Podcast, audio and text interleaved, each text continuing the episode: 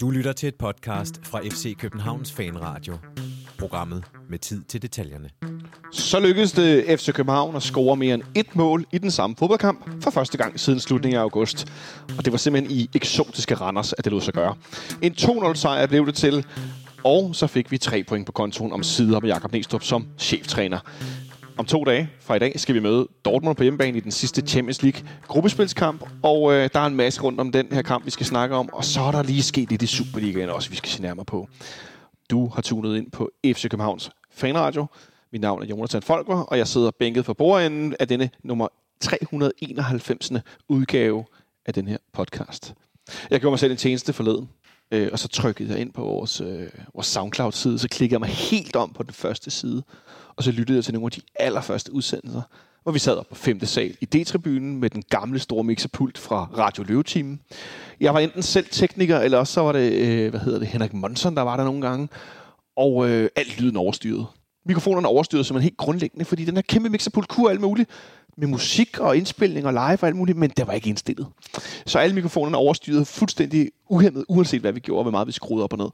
Øh, Christian Wilken sad bag mikrofonen, og han havde nogle gange besøg af forskellige mennesker, blandt andet nogle gange min ene gæst i dag, den første gæst, Nikolaj Stenmøller, også kendt som Smølle. Velkommen til. Ja, jo, jo tak. Det, det er vel så langt tilbage, at det var, vi stadigvæk var med i The Loudness Wars, hvis der er nogen, der kan huske det fra, fra, fra musikkens øh, sådan, historie efter årtusindskiftet, hvor alle, alle udgivelser lige pludselig havde ekstremt høj lydstyrke og nærmest sprængte højtalerne. Det tror jeg ikke er helt forkert. Øh, det tror jeg faktisk ikke, det er. Øh, men, men i hvert fald, så er, det, så er det sjovt nogle gange, i hvert fald for mig, at lytte ind og klikke eller klikke ind og lytte og høre øh, Christian Olsen og Vilken sidde og lyde som et gammelt ægtepar, der sidder og skændes lidt om, øh, hvem der nu var bedst i weekenden eller ikke var, og, og andre gode øh, gamle kending her fra Fanradioen. En anden gammel kending øh, i lidt forskellige udgaver, det er dagens andgæst, Alexander Elverlund. Velkommen til, Alexander. Tak skal du have, og øh, tak fordi jeg måtte øh, komme øh, allerede i dag. Jeg var det i fredags, jeg var sidst. Du var også i fredags, ja. Og ja, vi karrierer efterhånden mere end sygeplejerskerne gjorde under coronakrisen, så jeg venter lidt på at få et honninghjerte eller noget har, andet godt. Du har jo fået det honninghjerte i form af, at vi har faktisk, det vi jo godt, det er jo ikke hemmeligt, vi har gjort det til en fast del af fanradiogruppen, fordi den gode øh, Jonas Christiansen, han har så travlt med sit, øh, sit arbejde. Så han har, øh, har, hvad skal man sige, trukket stikket for en periode. Indimellem så popper han jo op på Twitter med nogle syge spidse analyser af, hvad der foregår i fodbold Danmark. Men der er en grund til, at der er flere, der har spurgt mig, hvor er Jonas han? Det er simpelthen fordi, at han har, at han har travlt med at, øh, at arbejde både i Danmark, men også i, i udlandet, så han har simpelthen så meget at se til. Øh, nu klikker jeg lige tilbage her, jeg kan se, den, den første udsendelse er fra den 27. april 2015.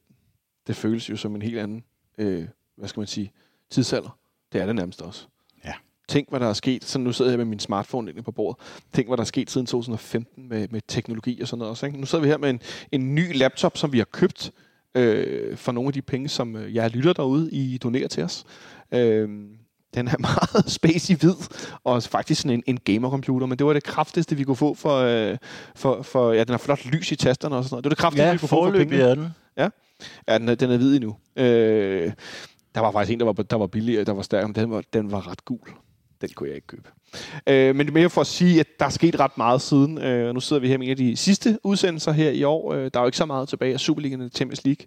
Men som nævnt i indledningen, så skal vi i dag øh, kigge nærmere på øh, vores udkamp i Randers. Vi skal se frem mod onsdag, men før det, så skal vi lige nævne øh, to små ting, der er kommet frem her, øh, hvad skal man sige, i løbet af de sidste par dage. Det er nemlig sådan, at øh, der tikkede nyheden ind for en halv time tid siden, der handler om øh, regnskabet for Park Sport Entertainment, som jo er koncernen, som FCK, FCK, FC København hører ind under. Og det er et regnskab, der er opjusteret til øh, en forventet øh, øh, hvad hedder sådan noget, øh, overskud på 280 millioner. Det lå omkring 250-275, eller meget nu var før 255, tror jeg det hed. Og nu forventer man, at det ryger helt op på 280 millioner. Øh, der bliver oplyst, at opjusteringen foretages med baggrund i de realiserede resultater for de første 9 måneder af året 2022, og forventningerne til resten af året.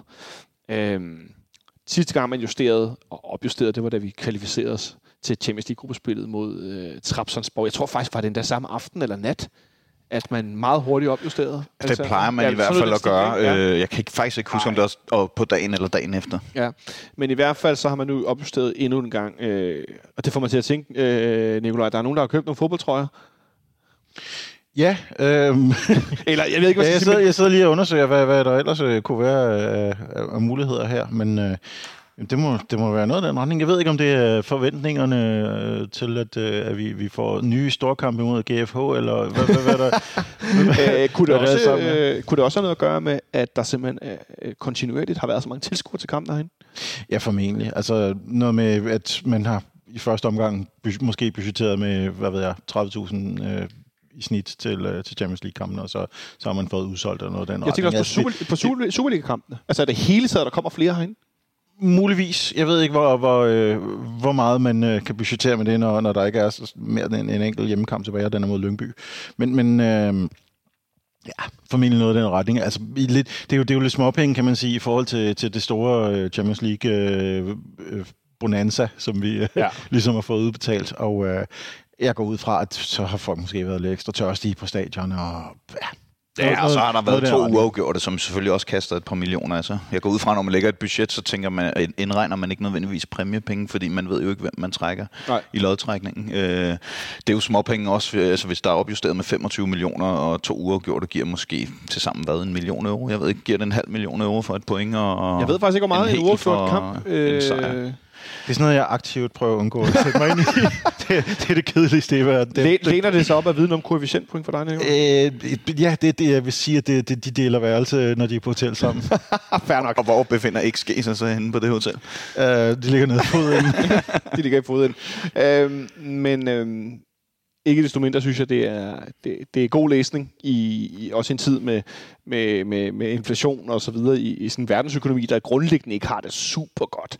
Så er jeg ikke ked af, at vores regnskab bliver opjusteret. Det, det synes jeg faktisk er ganske behagelig læsning. Øh, også med tanke på- med noget, som vi ikke nåede at tale om i, i fredags, fordi vi ikke havde været her i 14 dage, at vi har præsenteret en ny strategi, hvor at man blandt andet også taler om at investere penge i træningsanlæg, i spillertrup og i parken specielt. Der er det meget godt med et lidt, øh, lidt hvad skal man sige, et, øh, et endnu bedre regnskab. ja, absolut. Og så, så nævner du også selv det, at, øh, at det kan jo, at det er jo en noget økonomisk udfordret tid på alle kanter. Og det vil jo så også betyde, at vores udgifter, de, de stiger selvfølgelig også gradvist. Og det, hvis, hvis det så stadigvæk ikke bliver bremset, øh, er med, er- eller undskyld, er med til at bremse det overskud, der, der er ved at udvikle sig, Ja. så, så ser det selvfølgelig meget solidt ud. Det ser rigtig solidt ud. Øh, nu fik du lige nævnt det før, Nikolaj, øh, i, en, i, en bi, i en bisætning, men vi bliver nødt til, øh, også med traditionen tro i fanradioen, hvor vi jo i sin tid, ikke vi breakede, at Brøndbys øh, bestyrelsesformand, skråstreg ejer, han havde en, øh, han havde en, øh, en profil opkaldt efter sin søn på øh, Brøndbys Supports øh, debatforum øh, Sydsiden Online, hvor han kaldte sig Oscar.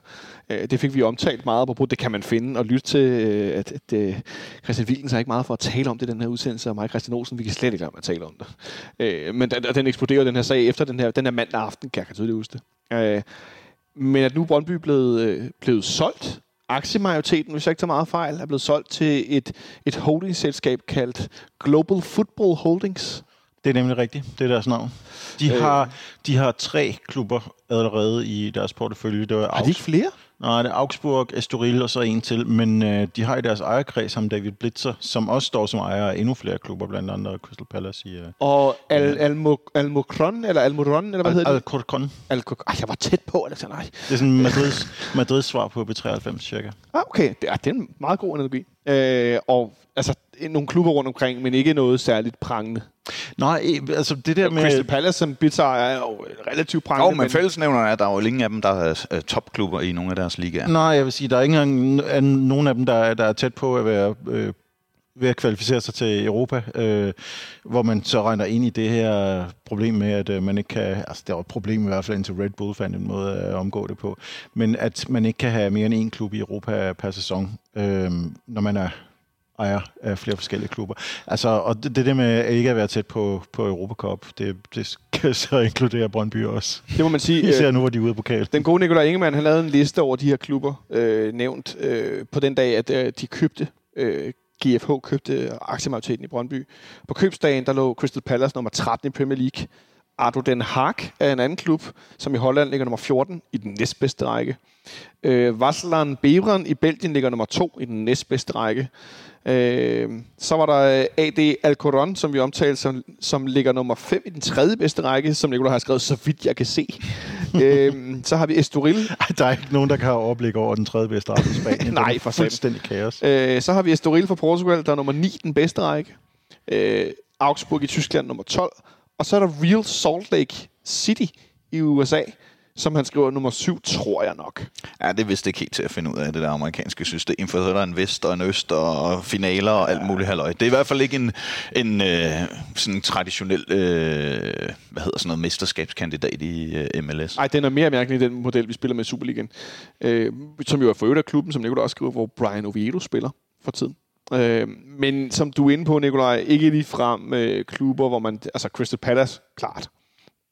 Ikke stor klub som sådan, men i forhold til dansk standard og øh, økonomisk og så videre, Premier League klub har været lidt op og ned i nogle år, men der er sådan relativt stabil nu med Patrice Evra, øh, Vieira, som, øh, nu er jeg sige Evra, det var en anden, en anden fransk, men, men øh, altså, stor manager, øh, ret mange penge, øh, alligevel sådan, jeg mener, de kører Joachim Andersen, som er dansk landsholdsspiller, for ret mange penge, spiller fast Premier League. Det er ikke bare en lille bitte øh, 3. divisionsklub på den måde, men ellers så er det sådan en lidt en mærkelig samling klubber. Øh, så øh, var der pressemøde, der følte blev afbrudt af en brandalarm. Øh, det var en meget øh, mærkværdig øh, ting, hvor der blandt andet blev spurgt, men hvem er de her mennesker, som køber klubben? De repræsenterede en mand, der indtil for nylig har været øh, sådan noget head of scouting, tror jeg, han var. Ja, han var, Chelsea? øh, han, han var talentspejder for, for Chelsea, men han røg ud, da, da Chelsea blev, som du udmærket ved, blev ja. overtaget af, af pludselig nok en amerikansk ejer, Todd Bowley, og, og skiftede sin øh, sportsdirektør ud, øh, hende, den russiske øh, Granovskaya, Ja, noget den stil, ja. og så samtidig også øh, det store del af staten under hende. Ja. Så, så, så ham med Scott McLachlan, han røg ud, og nu er han så blevet chef for de her Global Football Holdings, som, øh, så vidt jeg husker, som, som deres øh, fodbolddirektør, som han. Og øh, han, han kunne jo så forklare, at øh, ja, men han kunne jo han kunne måske ikke rigtig nævne præcis øh, ejerkredsen her, men det var jo fordi, han havde svært ved at huske så mange navne på stående fod. Det viste sig så, at der blev tryllet en mere kløgtig forklaring frem om, at, hvorfor man ikke, at de ikke kunne nævnes. Fordi det var noget med, at de havde poster i forskellige øh, andre firmaer. Hvor de, øh, hvor Men de var det også- ikke kun to Så- af dem? det var, jeg, jeg, der var, det var så vævende og, øh, og, og ikke særlig overbevisende, at øh, jeg må indrømme, jeg, jeg kunne ikke rigtig præcis følge med i, hvorfor det skulle være noget problem. Men øh, vi må i hvert fald ikke få at vide, og øh, Brøndby's egne fans vigtigere, de må heller ikke få at vide, hvem det er, der, der åbenbart ejer klubben, undtagen et par stykker, som, øh, som ikke er hemmelige. Og det, det synes jeg er meget bekymrende øh, på en eller anden måde. Vi øh, har jo lige haft øh, divisionsforeningen, der har vedtaget det her regelsæt omkring udenlandske ejerskaber, som skal gabe øh, gennemsigtighed og sådan noget, for at undgå nogle af de der katastrofer, vi har set i Esbjerg og alle mulige. Jammerbugt. Jammerbugt for eksempel også. Ja. ja, lige præcis. Og, og så kommer der nogle ejere ind, og så må vi ikke vide, hvem de er. Og det, det synes jeg er, er problematisk. Øhm, og det handler ikke nødvendigvis bare om, at det er Brøndby. Øh, det handler om, at det er en øh, vildt eksponeret klub, og, hvis de kan slippe afsted med at, at have i gåseøjne lyssky bagmænd, fordi altså, det er jo et eller andet sted, det man tænker, øh, har de noget at skjule, øh, siden vi ikke må vide, hvem de er. Ikke? Øh, og det synes jeg er bekymrende. Grunden til, at jeg startede med at nævne den her Oscar-historie, som mange af jer nok husker, er fordi, at hvad der så dukkede op i løbet af dagen, øh, jeg havde ikke set det. Jeg tror, der var mange, der ikke har set det. var simpelthen, at den kære øh, Jan Bæk Andersen, han har fået sig en Twitter-profil. Og øh, i starten var jeg sådan lidt, ja ja, man kan nemt gå ind og lave en profil, og så kunne jeg kalde mig Alexander Elverlund, og så skulle jeg være dig, og det var jeg ikke. Og sådan. Men som den gode Benjamin Dane, han lynhurtigt analyserede frem til, så var der noget med måden, der blev skrevet på, der minder meget om Jan Bæk Andersens Instagram-profil, hvor han jo tit er i, i jeg vil ikke sige, der, der er han faktisk relativt meget i dialog med Brøndby-fans. Det er ikke særlig meget, at, man, at han skændes med nogen, men han er, han er meget god til, at når nogen bliver meget kritiske, at give dem, synes jeg faktisk, skal jeg sige, hvad den stod stol, savligt igen, og stille spørgsmålstegn til de ting, de nåede, øh, nogle gange firkantet sætte op. Men den måde, der bliver skrevet på, det, altså, det er Jan Bæk Andersen. Det, er næste, det må jeg skulle sige, det er jeg ret sikker på. Øh, og det er mig sgu noget chokerende næsten at skulle læse, at han nu igen får lavet en, en, en social medieprofil et sted, hvor han går meget direkte ud i nogle ting, og det virker ikke særlig kontrolleret. Øh, så kan man så sige, at det er underholdende, når vi sidder her på den anden side af, af åen, men, men hold da op en måde at, at drive fodboldforretning på. Ja, og, og, og sådan en som, som mig, der har arbejdet med presse og kommunikation i sport i rigtig mange år efterhånden øh, forskellige steder. Øh, ja, vil sige, hvad tænker det, du? Det, det, det er ikke det, jeg holder allermest af, de her øh, ledere i, i sport, som øh, er fuldstændig umulige at kontrollere i forhold til kommunikationen. Øh, og vi, vi har jo oplevet det... Øh, herinde også i et vist omfang omkring øh, noget transfervindue-lukning, øh, hvor der var en medejer, der øh, også udtalte sig til medierne, og øh, man har set det med Jan Bæk før og så videre. Og det er bare et mareridt, når man øh, laver det, som øh, Christian Schulz så laver ude i Brøndby, og som jeg har lavet andre steder. Øh, altså at rådgive de her mennesker i virkeligheden? Ja, men altså, at det er jo svært at rådgive en, der sidder med sin egen personlige øh, SoMe-profil og, og synes, at vedkommende skal gå i dialog eller skændes eller et eller andet, fordi man vil jo gerne lave en form for strategisk kommunikation fra klubbens side eller et forbunds side, eller hvad ved jeg, hvor man ligesom siger, at det er de her rammer, øh, vi opererer indenfor, og vi går ikke ud af den her tangent, fordi det kan koste på sponsorside, eller det kan koste på fanside, eller noget helt fjerde. Øh, og det er bare fuldstændig umuligt at kontrollere, hvis, øh, hvis ikke man har en helt klar øh, plan for, hvad de forskellige øh, roller i øh, sådan en organisation, de, øh, de skal udtale sig om. Jonas, du markeret? Godt. Ja, nej, øh, jeg spørger, hvad du sad og knipsede, jeg ved det ikke. Jeg, jeg ved faktisk ikke rigtig, om jeg er markeret, men, øh, men, men det er jo rigtigt nok. Altså, man kan jo ikke rigtig, man kan jo ikke rigtig styre en mand, som, øh, som stadigvæk er ejer af det, og som er tiltænkt at være, være bestyrelsesformand. Så øh, jeg tror bare, man skal i virkeligheden læne sig tilbage og finde popcornet frem og se, om, om, om han er ved at, at, at rive sit ry ned, eller, eller han bare kæmper for det ry. Fordi der er jo ikke nogen tvivl om, at hvis han, hvis, altså han har været derude i næsten 10 år nu, og øh, han vil gerne huskes som den, der redde Brøndby, og den, der bragte det op på et nyt punkt, og han vil ikke, han vil meget nødig stå som den, der nu fuldstændig har, har offret deres, øh, deres sjæl og eksistens. Især hvis det slet ikke øh, kommer til at fungere for de her nye ejere her. Han, øh, hans, øh, hans kamp for, for æren lige nu, og jeg har prøvet lige at kigge lidt af hans øh, svar igen på, på ja, kom, profilen. Kom, kom, Fordi kom, han, har, han har i virkeligheden kun et enkelt, øh, et enkelt indlæg, som er hans eget, hvor han selv har startet en tråd, og det er, at øh, han ønsker tillykke til Nikolaj Vallys, som scorede et mål. Øhm, og, øh, Med et billede af Dannebro. Ja, på, på det tidspunkt, hvor, øh, hvor, der stadigvæk, øh, hvor de stadigvæk vist nok overhovedet ikke gad juble over ham. Og det virkede som om, at øh, som, som en af hvor, i vores kreds skrev, han en rødvinsbrænder, der havde oprettet den, fordi han var sur over, at Valle havde fået en dårlig behandling. Nu er det så ham selv, der, øh, der får en ret kritisk øh, overhaling. Og øh, det kommer han til at stride imod med, med næb og klør, tror jeg. Og det er i, i svar til alle mulige andre tråde, som, øh, som han helt tydeligt går ind og læser. Så hvis man gerne vil have en reaktion, så tror jeg, så tror jeg godt, man kan få den af, af Jan Berg Andersen selv. Ja, det, altså, det man skal jo ikke opfordre til at trolle eller noget, men jeg tænker, det må være rimelig nemt at, at få stukket til vipsebordet øh, på, øh, på Twitter. Jeg vil gå så langt som at sige, der er jo, som dem af jer, der, øh, der lytter til det her, der selv er aktiv på Twitter, der er mange, det vi vide, mange aktive Brøndby-fans, der er, som der er i vores egen fankredse, øh, øh, hvad skal vi sige, skarpe og mindre skarpe, og øh, øh folk med øh, kortere lunde i forhold til at skulle skændes end andre. Øh, og Jan Bæk, han har øh, gang i både den ene og den anden øh, type i nogle tråde, hvor han blandt andet for... Det er jo sådan, at det her GFO, øh, øh, Global Football Holdings, har hjemme i Delaware, hvis jeg ikke så meget fejl, som er kendt som et sted, hvor man kan lave nogle smuthuller rent skattemæssigt. Øh, og øh, der bliver spurgt, at Jan Bæk bliver kritiseret for, at øh, der er mange af dem, der ikke betaler øh, så meget indkomst i skat, og i, nu er det det her firma her og så videre, og så skriver han, Øh, sikkert noget sludder og røvl, men jeg skal gerne tage det med. Delaware er i øvrigt heller ikke et skattely og figurerer ikke på EU's liste over sådanne stater. 67,8 procent af alle Fortune 500 selskaber er i øvrigt registreret i Delaware. Det kunne man så overveje, hvorfor de måske er. Hvorfor er to øh, tredjedel af dem altså, jeg, jeg, registreret i den stat? Og jeg kan bare glemme at tænke... Det er ikke værd. Altså, nej, nej jeg skulle lige sige, det, det, det, det er sådan nogle svar, der i hvert fald for mig giver mig lyst til at spise popcorn mandag aften, fordi det skriger jo til himlen, at der er jo, altså, kan du ikke se, hvad du skriver, menneske? Så øh, øh, den profilen Jan Bæk, og så Anna, søn, men uden end med et et-tal til sidst. Øh, der, er, øh, der er gang i den, jeg skulle så sige. Øh.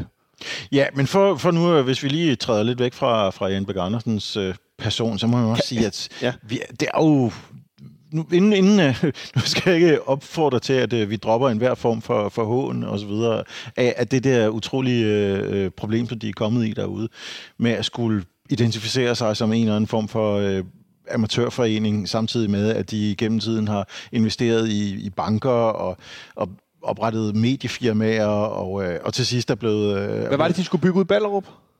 De, øh, ja, de skulle ikke bygge det. De skulle, de skulle være leder af en, øh, en multihal, men så gengæld prøvede de at købe Bella Center, der så vidt jeg husker heller ikke er nogen form for fodboldstadion. Øhm, det var, det var en, øh, en, en Pep Jargaard-idé, der faldt igennem. Og så de til sidst øh, droppet den her den her A- og B-aktie-ting, som, øh, som ellers havde været så centralt for deres selvforståelse om, at det stadigvæk var amatørklubben, som havde den afgørende bestemmelsesret i den, inden for aktieselskabet. Den blev så droppet, da Aldo Petersen af alle mennesker Som jo i sin tid var... som tidligere var i bestyrelsen i København og, Ja. øh, og, og investor her. Da han så kom og, og, og redde dem med et, øh, med et indskud, da de var løbet tør for penge fuldstændig i, i 2012-13 stykke. Men altså, vi må selvfølgelig også lige erkende, at det kan jo også ske her, hvis, øh, hvis aktiemajoriteten lige pludselig beslutter sig for at øh, sælge til højst bydende. Det er så, man skal være klar. Man skal, man skal være forberedt på, at, øh, at selv at kunne, kunne sige fra. Men, øh, men indtil da, så er det da utrolig morsomt, at det lige går ud over Brøndby, når vi har hørt så meget om deres ægthed. Og, og vi har heddet PSE i, siden, øh, siden øh, firmaet blev sat i en omstrukturering, og vi havde købt parken. Altså, velkommen til PSE mod GFH, så tak for, at I gad være med til at spille den lige i fødderne på os. Tak for det. Jeg skulle sige, det var en, øh, det, er, det er et indlæg til en helflugter. Efter 20 år skulle have hørt på, man kan ikke melde sig ind i jeres klub, man kan ikke det ene, man kan ikke det andet. Øh, Brøndby-fans, der har lavet en liste over firmaer, der støtter FC København, de ikke vil støtte, som jo går under hashtag på Twitter. LaLandia-listen er gæt en gang, hvor sindssygt det er. Øh, ja, nej, Jeg ved, om Carlsberg er med på den liste stadig. Ja, I må godt lade være med at tage ned og øh, høre, øh, der er nogen desværre afføring i vandet øh, i stor pool, øh, for min skyld. Det gør mig ikke noget. Jeg tror ikke, vi mangler jeres penge. øh, men, men Alexander, helt ærligt, som Nicolaj er inde på, den her ægthed, den her øh, øh, øh, øh, tradition versus øh, firma. Vi ser i går, de spiller på hjemmebane mod OB. Øh, det forlyder, der har været hængt banner op inden kampen, der protesterede, og som blev pillet ned. Øh, der var øh, flere, hvad skal vi kalde det? øh, almindelige Brøndby-fans, vi kalder det shirters, altså folk, der går i fodboldtrøje, sådan, det kunne være, hun stod på nede og se, som havde taget, øh, løftet ået og øh, var øh, henholdsvis kaberord, der var en, der slog på tromme, øh, læste jeg, for at skabe noget stemning til den her kamp. Øh, og der var ikke sådan synderlig kritik at, at, øh, at registrere, i hvert fald ikke fra tv-skærmen. Men så efter kampen var der en, en del fans, der blev på, øh, på stadion. Det forlyder, det var primært øh, den her nu, hvad skal man sige, stemningsboykottende, kan man kalde det, det gruppe Alfa, øh, øhm, som så stod op øh, på øvre op i svinget, hvor de, øh, som det hedder, ude i, i på Brøndby Stadion, hvor de primært har befundet sig især efter øh, den her klubovertagelse. Øh, overtagelse. øh, og så sang de blandt andet om, at de ikke vil være som, som FC København. Yes. Og jeg må indrømme, jeg undrer mig godt nok lidt. Jeg ved, jeg tænker noget af det stammer fra, at Jan Bæk Andersen, hvilket jeg også synes var helt sindssygt, fik sagt i forbindelse med de her det pressemøde og efterfølgende interviews, at man jo i FC København har gjort noget med tilskuerantallet. Og så fik han sagt noget med, jeg kan ikke huske ordlyden, om man fik sagt, gør ligesom, eller være Ja. ja. ligesom. Ja, men han sagde, øh, det er ikke ordret, men fra hukommelsen, at øh, FCK havde øh, rigtig mange fans, og øh, hvis vi også ville have det, så skulle vi gøre ligesom dem, fordi det kunne man jo se, øh, at vi havde fået op gennem, øh, eller siden årtusindskiftet, tror jeg det var. Jeg kan godt forstå, hvis det falder nogen på brystet. Jeg tror også, jeg vil blive rimelig træt i ansigtet øh, og lang i nogle kropsdele, hvis øh, nogen herinde øh, havde travlt med tidligere havde sagt, at vi skal gøre som Per Bjergård. Øh, eller vi skal gøre som Brøndby, fordi det har Per Bjergård gjort. Det tror jeg også, jeg vil blive noget øh, vred. Men Alexander, bare lige her til sidst, inden vi selvfølgelig også skal tale om fodboldkamp. Kan du forstå, at jeg undrer mig over, at de, at de nu mener, at de er blevet lidt som os? Ja, det, det kan jeg godt forstå. Altså, det undrer også mig. Øhm, som vi lidt har været inde på, det var også øh, den anden klub i verden, der gik på børsen. Og, Altså, Brøndby var? Ja, øh, Brøndby var. Øh, så Hvor- Hvornår var det egentlig? det var i hvad, 87? Ja, jeg mener, det har været omkring 90 eller sådan noget. Det var, okay. det var ikke ret, øh, måske 89, det var ikke ret lang tid inden, at de, øh, at de købte banken, som så krakkede. I hvert fald ikke for nylig. Nej, lige præcis. Og, og det jeg egentlig bare vil frem til, det er, at Brøndby har været den klub, der har været lokomotivet i Danmark øh, helt frem til årtusindskiftet cirka. Og det har de jo været på baggrund af netop at være alt det, som de påstår, at vi er altså deres fans, ved at være en øh, købeklub, ved at være... er meget proaktiv i virkeligheden. Ja, ja, lige præcis. Altså prøve at skabe en forretning øh, udenom fodboldholdet, sådan så øh, når der er dårlige resultater, så kan man stadig øh, gå ud og plukke alle de bedste spillere i Danmark, som de jo gjorde dengang, hvor man kan sige, nu er, er grænserne udvidet, så man kan scoute i hele verden osv. Men Brøndby har jo altid levet højt på at være dem, der skulle vinde for enhver pris, og skulle have de bedste spillere øh, på markedet, og de støvsugede jo danske klubber, inklusiv vores anfører, som de købte for en million kroner på et tidspunkt. Øh, og, altså, og, og det er jo det, som deres fans, i, i hvert fald siden slut 90'erne, øh, 2001-agtigt, da vi begyndte ligesom at få overtaget i forhold til mesterskaber og den slags, har skudt øh, os i skoene her i København, at øh, det er alt det, vi er, og som de foragter. Det er jo det, som Brøndby er bygget på. Det var det, som vi øh, prøvede at konkurrere med, fordi vi var jo en af de klubber, som, øh, som Brøndby havde været ude og hente spillere i. Blandt andet den, vi havde, vi havde en meget i KB en ganske lovende angriber på et tidspunkt, der hed Michael Laudrup, som var en af dem, der skiftede til, til Brøndby. Som er et meget godt eksempel. Blandt en del andre. Ham, ham øh, fik de en del glæde af. Så, altså, det, er jo, det, er jo, det er jo kosteligt det der med, at øh, jeg så et billede af et, øh, et S-tog, der var overmalet med en, et jammerlig, en lang øh, artikel nærmest om, hvordan fodbold er blevet til business. Ja, altså fodbold blev vel i Danmark business samme øjeblik, at uh, Brøndby indførte fuldtidsprofessionalisme som det allerførste hold. Og det er det, som vi andre har skulle forholde os til lige siden. Så hold nu op med at uh, tro, at I er en eller anden form for ren ånd og, og amatørismens uh, hellige sjæl. Det, og arbejderklub har man bullshit. også hørt igen og igen, hvor man tænker, hvad der er arbejder klub ved Brøndby. I ligger ude på Vestegnen, hvor sådan mere velstillede familier flyttede ud der i hvad, 50'erne, 60'erne, da de begyndte at lave øh, S-togsfingrene derud og alt sådan noget. Ikke? Altså, det er... Ja.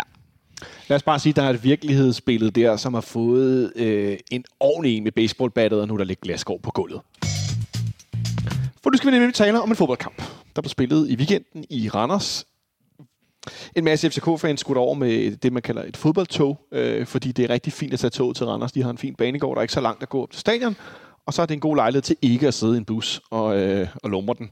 Øh, jeg har selv to gange en gang, to gange været med, med fodboldtog til Randers. Det sgu ret hyggeligt. Hvordan, hvordan gik den tur øh, egentlig? Ja, fordi det, det, der skete, var jo, at stort set, at toget skulle til at forlade hovedbanegården, så stoppede alle tog i Danmark med at køre. Øh, og det gjorde de blandt andet, fordi, ja, det gjorde de, fordi at der var, noget, der var noget elektronik eller noget teknik, at de her togfører har ligesom sådan et, øh, hvad skal man sige, elektronisk, de kaldte en iPad med deres, øh, deres rygsæk, hvor toget ligesom sådan sikkerhedsmæssigt, når de gør noget derinde, så kan det køre. Altså simpelthen sådan en, en form for, øh, skal vi kalde det, øh, ja, øh, øh, nøgle nærmest til at sige, når alt det her er tastet ind og passer, så kan toget få lov at starte. Og det er jo egentlig meget smart, at det er sat meget firkantet op. Men som en, der arbejder med IT hver dag, så er det ofte sådan, at når noget ikke virker, så er det fordi nogen har lavet en opdatering af en platform eller et system. Og det er ofte en automatisk opdatering, som man ikke lige har clearet med dem, der bruger platformen eller systemet. Og ganske rigtigt, det var blevet opdateret, så virkede det ikke. Så det skulle rulles tilbage. Øh, og det tog nogle timer, før de kunne komme ud og køre. Men de nåede derover med toget. Jamen altså, det, var, det var da utrolig heldigt, i så Jeg har faktisk ikke engang rigtig fulgt med i, hvordan det endte, men, men jeg er da bare så imponeret af, at, øh, at når ja, over 1000 i hvert fald af vores øh, fans øh, har rullet rundt på i spanske højhadstidets mellem Malaga og Madrid og så Sevilla. Og, og så, så det er en væsentligt større udfordring at komme til, til Randers lørdag eftermiddag. Ja, men det er, nogle gange er det så gøjlet, det her land, ikke? Og det var der før sommertiden blev øh, Jamen også blev, det, men jeg mener, jeg tænker engang, i nogle lande kører du på magneter med 300 km i timen, og i Danmark kan vi ikke køre på hjul og skinner, fordi en iPad ikke virker. Nej, undskyld, det var, jeg negligerer det, men det er sgu lidt komisk nogle gange. Ikke desto mindre var der en del FCK-fans på stadion øh, til øh, den her kamp, hvor vi skulle møde et Randershold, som har været i noget problemer, Alexander, i en periode. Øh, faktisk ikke siden de slog os herinde, men de har godt nok også, ligesom os selv, haft svært ved at få sat resultaterne helt sammen. Øh, vi så efter en, øh, en kamp i Sevilla, som vi også talte om i fredags, at vi øh, roterede lidt i vores startopstilling. Blandt andet så var øh, Markus Stammenitz tilbage som defensiv midtbaneanker, som den her øh, centrale øh, sekser. Øh, Vavro var tilbage i startopstillingen. Øh, nu Rutschula har været karantæne, og også for øvrigt har det på onsdag. Øh, Kærkom gensyn. Øh, og så havde vi ellers stort set den samme startopstilling. Haraldsson som den her øh, falske nier, den centrale. Runi Badaji var inde som, som højreving igen, og så lignede det ellers sig selv. Øh, vi starter kampen meget fint, Alexander. Det gør vi bestemt. Øh, jeg vil endda sige, at de første 10 minutter faktisk var meget, øh, meget overbevisende, og jeg tænkte, hold da op, altså øh, efter en øh, varm og lidt sådan øh, mentalt udfordrende kamp i Sevilla øh, i midtugen, og så komme over på udebane i Randers øh, og levere det, vi gjorde der. Øh, desværre viste det sig jo så at være en stakket frist, fordi efter de første 10 minutter gik det jo så ned ad bakke, men det kommer vi sikkert tilbage til. Men, men den måde, vi kom ud til kampen på, og allerede efter fem minutter, hvor Rooney havde den her kæmpe chance, øh, hvor Karlgren, som sædvanligt fristes man til at sige mod FC København. Han har ellers også været svingende. Jamen lige præcis. Han, I starten af sæsonen tog han jo alt for dem, og det var jo også derfor, de vandt nærmest alt, hvad de rørte ved i starten af sæsonen, og er stadig er tophold på den baggrund. Der har han ikke helt været øh, her de sidste 5-8 kampe, men, øh, men han har en øh, tendens til, og, og det er ikke for at, at sidde og tude som FCK-fan, for det er sådan en klassiker at sige, han står altid sin bedste kamp mod os. Men jeg oplever ham tit som en rigtig dygtig målmand, øh, når jeg ser øh, FCK's kampe, og det, det må man også sige, at han var i den situation, fordi Rooney tør jo fuldstændig en forsvarsspiller, der kommer glidende. Øh, Ud efter pølser. Lige præcis, og øh, lægger den over til sit gode venstre ben, og jeg tænker, der er kasse. Men øh, der havde Karlgren altså bare luret ham. Der kom er, er jeg for kritisk, hvis jeg synes, han, øh, han gør det for let for Karlgren? Jeg tænker, er det ikke øh, præcis... Hvis, hvis man, hvis er det for forudsigeligt? Jamen præcis, det er det, jeg mener. Hvis, øh, hvis en målmand skal tænke, okay, hvis jeg skal tage den noget sted, så skal det her. Så, så han går formentlig med den forventning, at øh, når han er trukket ind, så vil han prøve at passere og prøve at lægge den over i det lange hjørne, og den lidt over jorden. Jeg synes, jeg synes, øh, jeg synes ikke, det var nogen super afslutning, så jeg var sådan lidt, øh, da folk begyndte at mumle om, at ah, nu spiller han sin livskamp, så var jeg sådan, ja okay, men så skal han også lave bedre redninger, det der. Og det gjorde han ikke rigtig nødvendigvis. Nej, okay. Det, det, det går vi lidt uenige nogle gange. Ja, ja, bestemt. og, og altså, jeg, jeg siger heller ikke, det var en øh, fremragende afslutning af Rooney. Overhovedet ikke. Det er bare fra rigtig nært hold. Og altså, medmindre du bliver skudt lige i maven, så skal du lave en eller anden form for udfald. Øh, og det, der, øh, der gættede han rigtigt, som øh, Nikolaj også siger. Altså, det, det var derover, hvor øh, det var mest oplagt, at, at Rooney ville lægge den. Øh, og det, det gjorde han så. Men der skal altså stadig lige gøres et arbejde færdigt. Jeg håber, han smadrer den op i nettet næste gang. Det har vi jo, vi har jo set om, at vi ikke er smadret op i nettaget, så også lave øh, nogle afslutninger, som er ikke bare placeret. Ja, øh, mod Brøndby var der oppe i nettaget. Ja, ja, det var præcis det, jeg var på vej hen. Jeg skulle sige, den plaffede han jo nærmest ind, ikke? eller plukkede ind, om du vil. Øh, men en, en meget lovende start på kampen, men så tabte fuldstændig momentum. Øh, det, det, det var nærmest skørt at se på. Ja, det, det, der sker nærmest ikke mere for os i resten af den her halvleg. Altså, øh, Tror du, vi har, vi har, vi har det utroligt dårlige langskud at lære af, og så, så langsomt, men sikkert så... Jeg vil ikke engang sige, at Randers tager det over, men det bliver bare noget forfærdeligt råd at se på. Det, det, den næste halve time er virkelig ikke køn, og så til sidst, så, øh, så, så trækker det virkelig voldsomt op til, til en Randers-scoring. Ja, i slutningen af første halvleg, ja. øh, de har nogle situationer, hvor vores forsvar... Øh, jeg vil ikke sige, det sejler, men Ja, det gør det vel nærmest. Altså, det, det virker uorganiseret, det virker uafstemt. Øh, ja, jeg får lyst til at sige, at de virker som nogen, der har fodboldtømmermænd fra kampen i Spanien, altså sådan mentalt, fysisk. Vi er der ikke rigtigt. Øh, du sad og ventede på scoringen, Nikolaj, til Anders? Ikke så meget. Jeg sad mere, mest først og fremmest og ventede på udskiftningen, eller udskiftningerne, fordi jeg var sikker på, at der nok skulle blive øh, skiftet på stykker pausen. Jeg er jo overvist om, at det her, det, det fandt øh, Næstrup sig ikke Og jeg må så sige også, hvis vi, hvis vi taler lidt om, øh, om tungeben fra Spanien, så ham jeg var sikrest på ville blive skiftet ud, ja, det var jo faktisk en, der ikke startede i Spanien, nemlig Markus Damnic, som jeg ikke Ja, det, det, det kan godt være, det, det er et spørgsmål om hans placering på banen.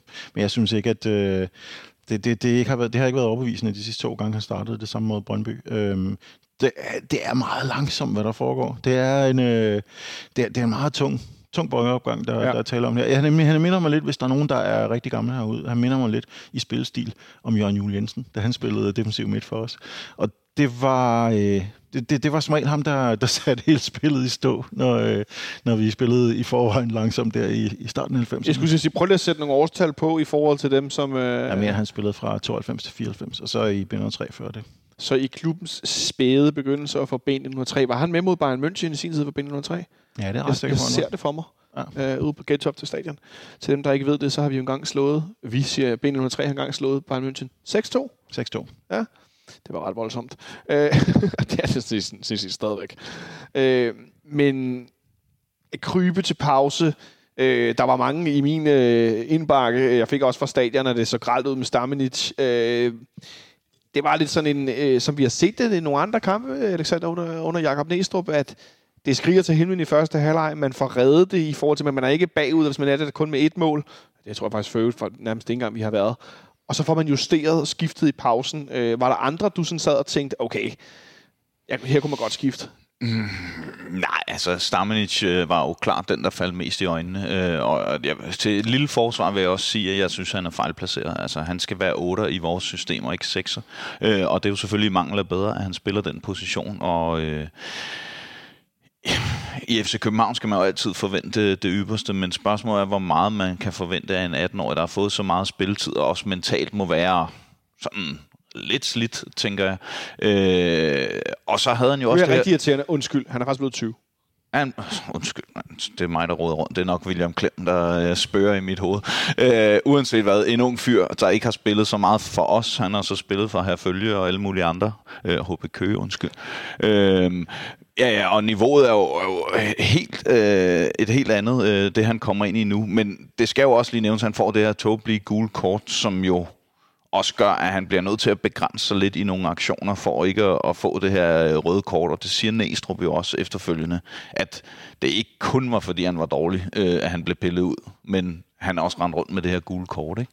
Så handler det måske, Nikolaj, også om, at vi nu øh, faktisk har set nu i nogle kampe, at der pludselig er et alternativ til Markus Stamnitz på den her mere, øh, hvad skal man sige, defensivt præget midtbaneposition netop i den unge William Klem, som vi jo talte meget om i fredags efter kampen i Sevilla. Han har spillet kamp i Hobro, spillet i Sevilla, og nu kommer han så ind i pausen igen. Det kan vel også være, altså, at, øh, tror du, man kunne have givet Stammelis længere snor i forhold til at tale ham, øh, altså, tale ham til rette i pausen for justerede positioner rundt om ham, og så lade ham spille videre, hvis vi nu ikke havde et alternativ? Ja, det, det, det regner jeg helt sikkert med, fordi så havde vi jo slet ikke haft noget alternativ, så at sige.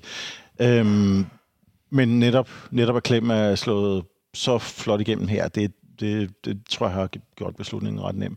Øhm, jeg ved så ikke, hvor præget han har som en øh, ret ny på, øh, på alle hvor, det, hvor præget han har været af, af, at jage de her Sevilla-spillere i, i det meste af, af kampen dernede. Men altså, må ikke han har, må ikke han i virkeligheden har været fin nok, og vi bare tænkt, okay, nu vi, kan, vi har muligheden for at rotere lidt. Der er ikke blevet roteret særlig meget, men vi, vi kan gøre det her i det mindste. Og så... Ja, og vi havde jo også Falk på bænken, som, altså, så der var flere muligheder faktisk. Altså, normalt så har Næstrup ikke haft nogen muligheder, nu har han rent faktisk haft to muligheder. Man kan sige, Falk måske ikke bringe ham i spil med 45 minutter igen, men muligheden forelå trods alt, øh, at han både kunne vælge Falk eller øh, Klem. Det er i hvert fald nemmere valg, fordi jeg synes jo også, at der er andre spillere, som ikke, øh, som ikke havde en god første halvleg. Altså, hvis vi for eksempel ser på øh, Modarami, så der var ingenting, der lykkedes for ham, og der var ikke nogen, der formentlig havde forudset, at øh, de ting, han, øh, han lavede, da, da vi så, vi kan lige så godt spoile den, da, da vi så afgør kampen, at, at det skulle komme fra hans side, fordi det, han havde virkelig en skidt kamp. Jeg, fra, I, i hvert fald de første øh, 45. Ja, det eneste sådan rigtig, øh, hvad skal man sige, farlige, han var involveret i, det var den her afslutning, han selv kommer til, hvor han presser sig foran en randerspiller og skubber bolden øh, forbi den bagerste stolpe. Det har været et, et rigtig angribermål, for jeg lyst til at sige.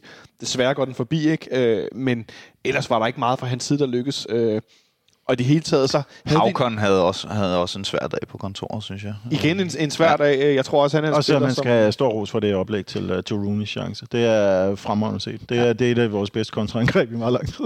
Men i det hele taget også nogle, altså nogle unge spillere, som virker som om, at flere af dem trænger til, at de ikke behøver at spille plus 70 minutter hver gang, fordi der ikke er nogen alternativer. Man kan spille mere maksenergi i kortere perioder af kampene, eller blive skiftet ind, og derved måske ja, være mere øh, klar i, ja, i hvad skal vi sige, færre maksaktioner. Ja, ja, lige præcis. Og det, det er jo også det, der var jo en kæmpe gave, så vi jo så, da vi så nåede anden halvleg i forhold til øh, Cornelius. Ja, fordi øh, det var det med den tredje mulighed på bænken. Ikke? Lige præcis. Og det, altså, udover Cornelius er, er bundrutineret og øh, en helt anden spiltype, øh, så bare det her med, at, at man netop kan tage presset af en øh, Havkon ved at skifte ham ud, eller øh, flytte position, eller hvad man nu beslutter sig for rent taktisk, øh, så, så betyder det også bare, at... Øh, ja, vi slipper jo i hvert fald også for at se Babacar eller Karamoko, eller hvem der nu ellers kunne have været et alternativ, som øh, har været muligheder tidligere. Men, men, men det betyder bare noget, øh, både for Næstrup, men også for de her unge spillere, at, øh, at de ligesom ved, okay, hvis ikke jeg lykkes i dag, så har vi en mulighed for at, at gøre noget andet. Hvor vi har haft kampe, hvor det nærmest var, altså for Havkon, altså du skal bare lykkes i dag. Ja, for ellers så er det Ori, der kommer ind, altså som jo også er et ung talent, men han er bare endnu yngre. Øhm, og ja, der, der, der er det en kæmpe gave for os, at vi øh, havde Vavro, Falk og øh, Cornelius øh, tilbage i den her kamp. Det må man sige, Cornelius kommer ind i, i pausen sammen med William Klem. Også selvom Cornelius øh, når for at skræmme liv af, samtlige fans, da han, da, han, øh, da han vælger ikke at varme op inden kampen, der øh, har jeg da jeg i hvert fald set de første, det første håndfuld, der er erklæret, at øh, nu var han simpelthen skadet igen. Det er skræm. Jeg tror bare, at de har tænkt, okay, ikke nogen grund til at lade ham rende rundt her og, og, og bruge kræfter på det, hvis han alligevel først skal bruge om en times tid. Jeg ved ikke, om det er Trapsans-modellen, de er gået ind på, eller om de virkelig har brugt den også allerede, hvor han jo øh, efter sine efter ham selv øh, stort set ikke trænede mellem kampene. Han gik ud og spillede en lille smule kant, og stod og jonglerede lidt, og spillede en lille smule interval. Og så gik han ellers ind i, i gym og strak ud og slappede af og så videre. Og det havde hans især hans meget eksplosive bentøj. Når jeg siger eksplosiv, er det ikke fordi, det springer i luften, men i forhold til eksplosioner med at sprinte og så videre, det har det rigtig, rigtig godt af. Øh, jeg må ikke om jeg blev noget nervøs i anden halvleg, da han var ligger ned og tager sig til den her læg, han lige har været skadet i. Der blev jeg sådan helt, nej, stop. Øh, han var heldigvis ikke skadet, øh, men Randers starter faktisk med spilovertaget i starten af anden halvleg og ser bedst ud. Og så ud af det blå, så får vi scoret et mål, som altså, ligner noget, vi har spillet meget til, og de taler meget om spillerne også efter kampen, det her med at spille chancerne større. Og det skal jeg hilse at sige, at den bliver gjort ved det her 1 mål. Ja, absolut. Altså, det er jo en, øh, en mor-signatur. Øh, tur, han tager ud på kanten og kommer til baglinjen, øh, og så slår den... Øh, sådan ikke helt cutback, eller en lille smule cutback er han måske. Helt baglinjen? Men, er han, ikke nej, men han er i hvert fald han er i hvert fald nede mod baglinjen. Ja, okay. øh, det er jo også det, jeg tror vi snakker om i fredags, at øh, og Nikolaj viser der målet her, ja. Ja, Øhm, hvad hedder det? Øh, nu skal jeg jo lige prøve at snakke imens ja, den kommer her. Ja, han er sådan på hjørnet af feltet. Ja, ah, lige på kanten af det lille felt. Øhm, og lidt cutback på den. Øh, han trækker dejligt mange Randers-spillere til, ja, så bare med det der lille træk. Og, Ja, undskyld. Ja, og det var bare for at sige, at det var jo en øh, klassisk mål-aktion, men øh, det jeg næsten synes er det fedeste ved det mål, det er øh, Lukas Lea, der laver det her løb, som jeg synes, vi har manglet øh, i løbet af efteråret i rigtig mange kampe. Altså den her, der kommer i øh, løbet. Øh, vi har haft vores øh, offensivspillere, så de stod næsten helt inde på mållinjen, når den cutback kommer. Øh, og så har vi ikke haft nogen til at samle den op. Øh, og der synes jeg bare, det er super godt læst af, af Lukas Lea at løbe ind i den position der det er øh, ret interessant at se de her dybdeløb i forbindelse med begge scoringerne, øh, hvor at, øh, nu springer jeg bare en lille smule i det, men det er fordi, det er de to samme spillere, som er meget involveret. Og fuldstændig øh, identiske vi, vi, ja, sekvenser nærmest. Ved det andet mål, der er det interessante, at øh, Lukas Lea laver oplægget, men det er faktisk ham, der laver afleveringen. Ja. Meget tidligere i, i øh, hvad hedder det, i, øh, hvad hedder det, sekvensen, til Cornelius, hvor efter Cornelius lægger bolden ud på siden. Øh, Lukas Lea kommer så i løb og får den her aflevering. Øh, eller nu du kan godt være, at jeg får blandet rundt, men, men Lea er ligesom, han er tidligere involveret i sekvensen, og så får han bolden en gang til, efter han har taget dybt løbet, og ligger den så ind til Darami.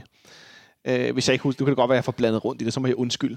Men jeg sad bare og stussede over, at, at, at det var meget interessant at se, hvordan der var flere spillere, der var i bevægelse i banens længderetning, hvor vi nogle gange i løbet af efterår, også ind i parken specielt, der stod og kigget på, at vi har haft fire mand stående på den forreste linje. Og så bliver det altså svært, når man ikke har nogen at serve efter, og lægge en lang bold efter. Det havde vi så nu med Cornelius. Ja. Men når man ikke har det, hvad skal, så kan vi jo ikke, altså, hvad skal man så gøre? Nej, men det er jo der, hvor vi så hele tiden har sat vores lid til Mo øh, i løbet af efteråret her, og, øh, og så lidt håbet her på det sidste, at Rooney kunne gøre noget lignende på den anden kant. Øh, vi har ligesom ikke haft de her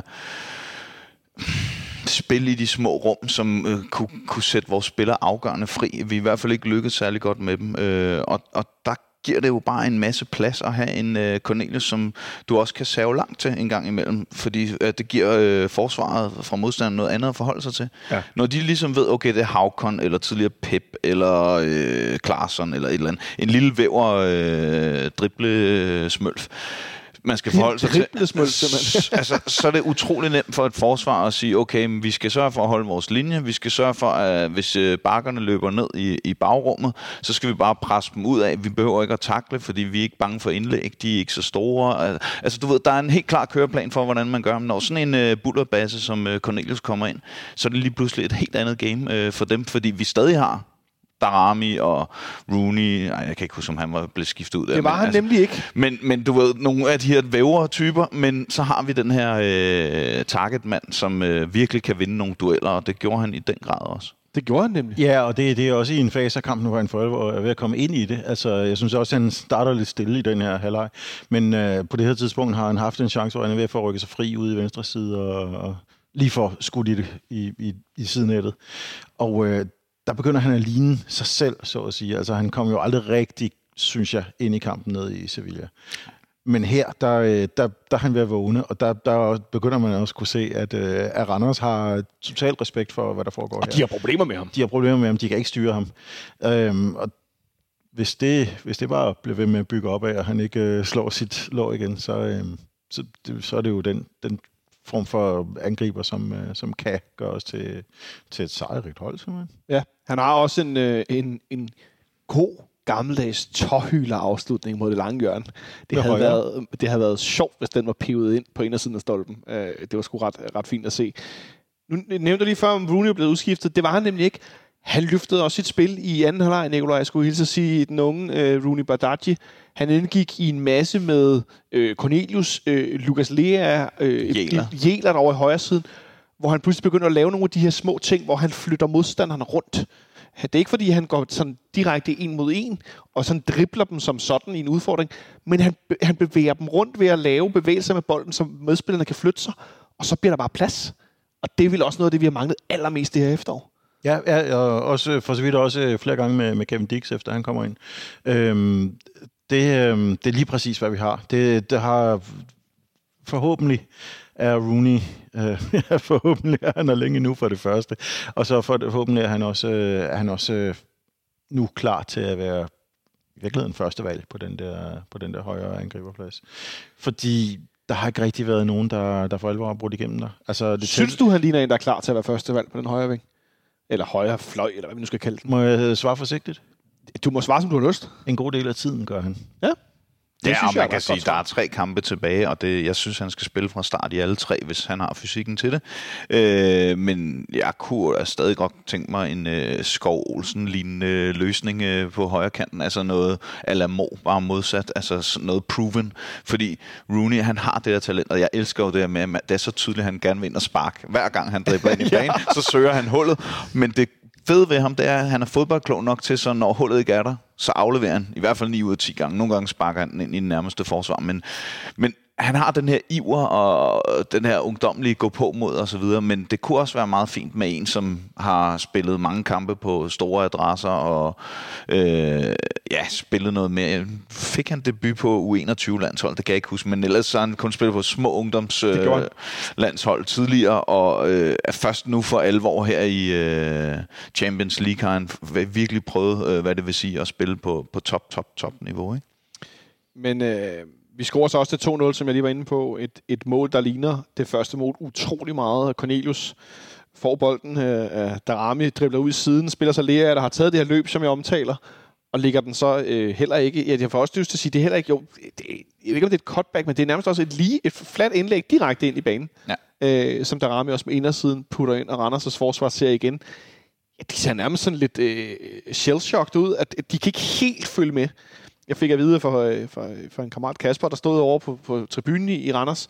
Hans oplevelse på stadion var, at, øh, at når vi skruede op for tempoet, når vi ligesom skruede bare lille smule på knappen, så var Randers fuldstændig sat af.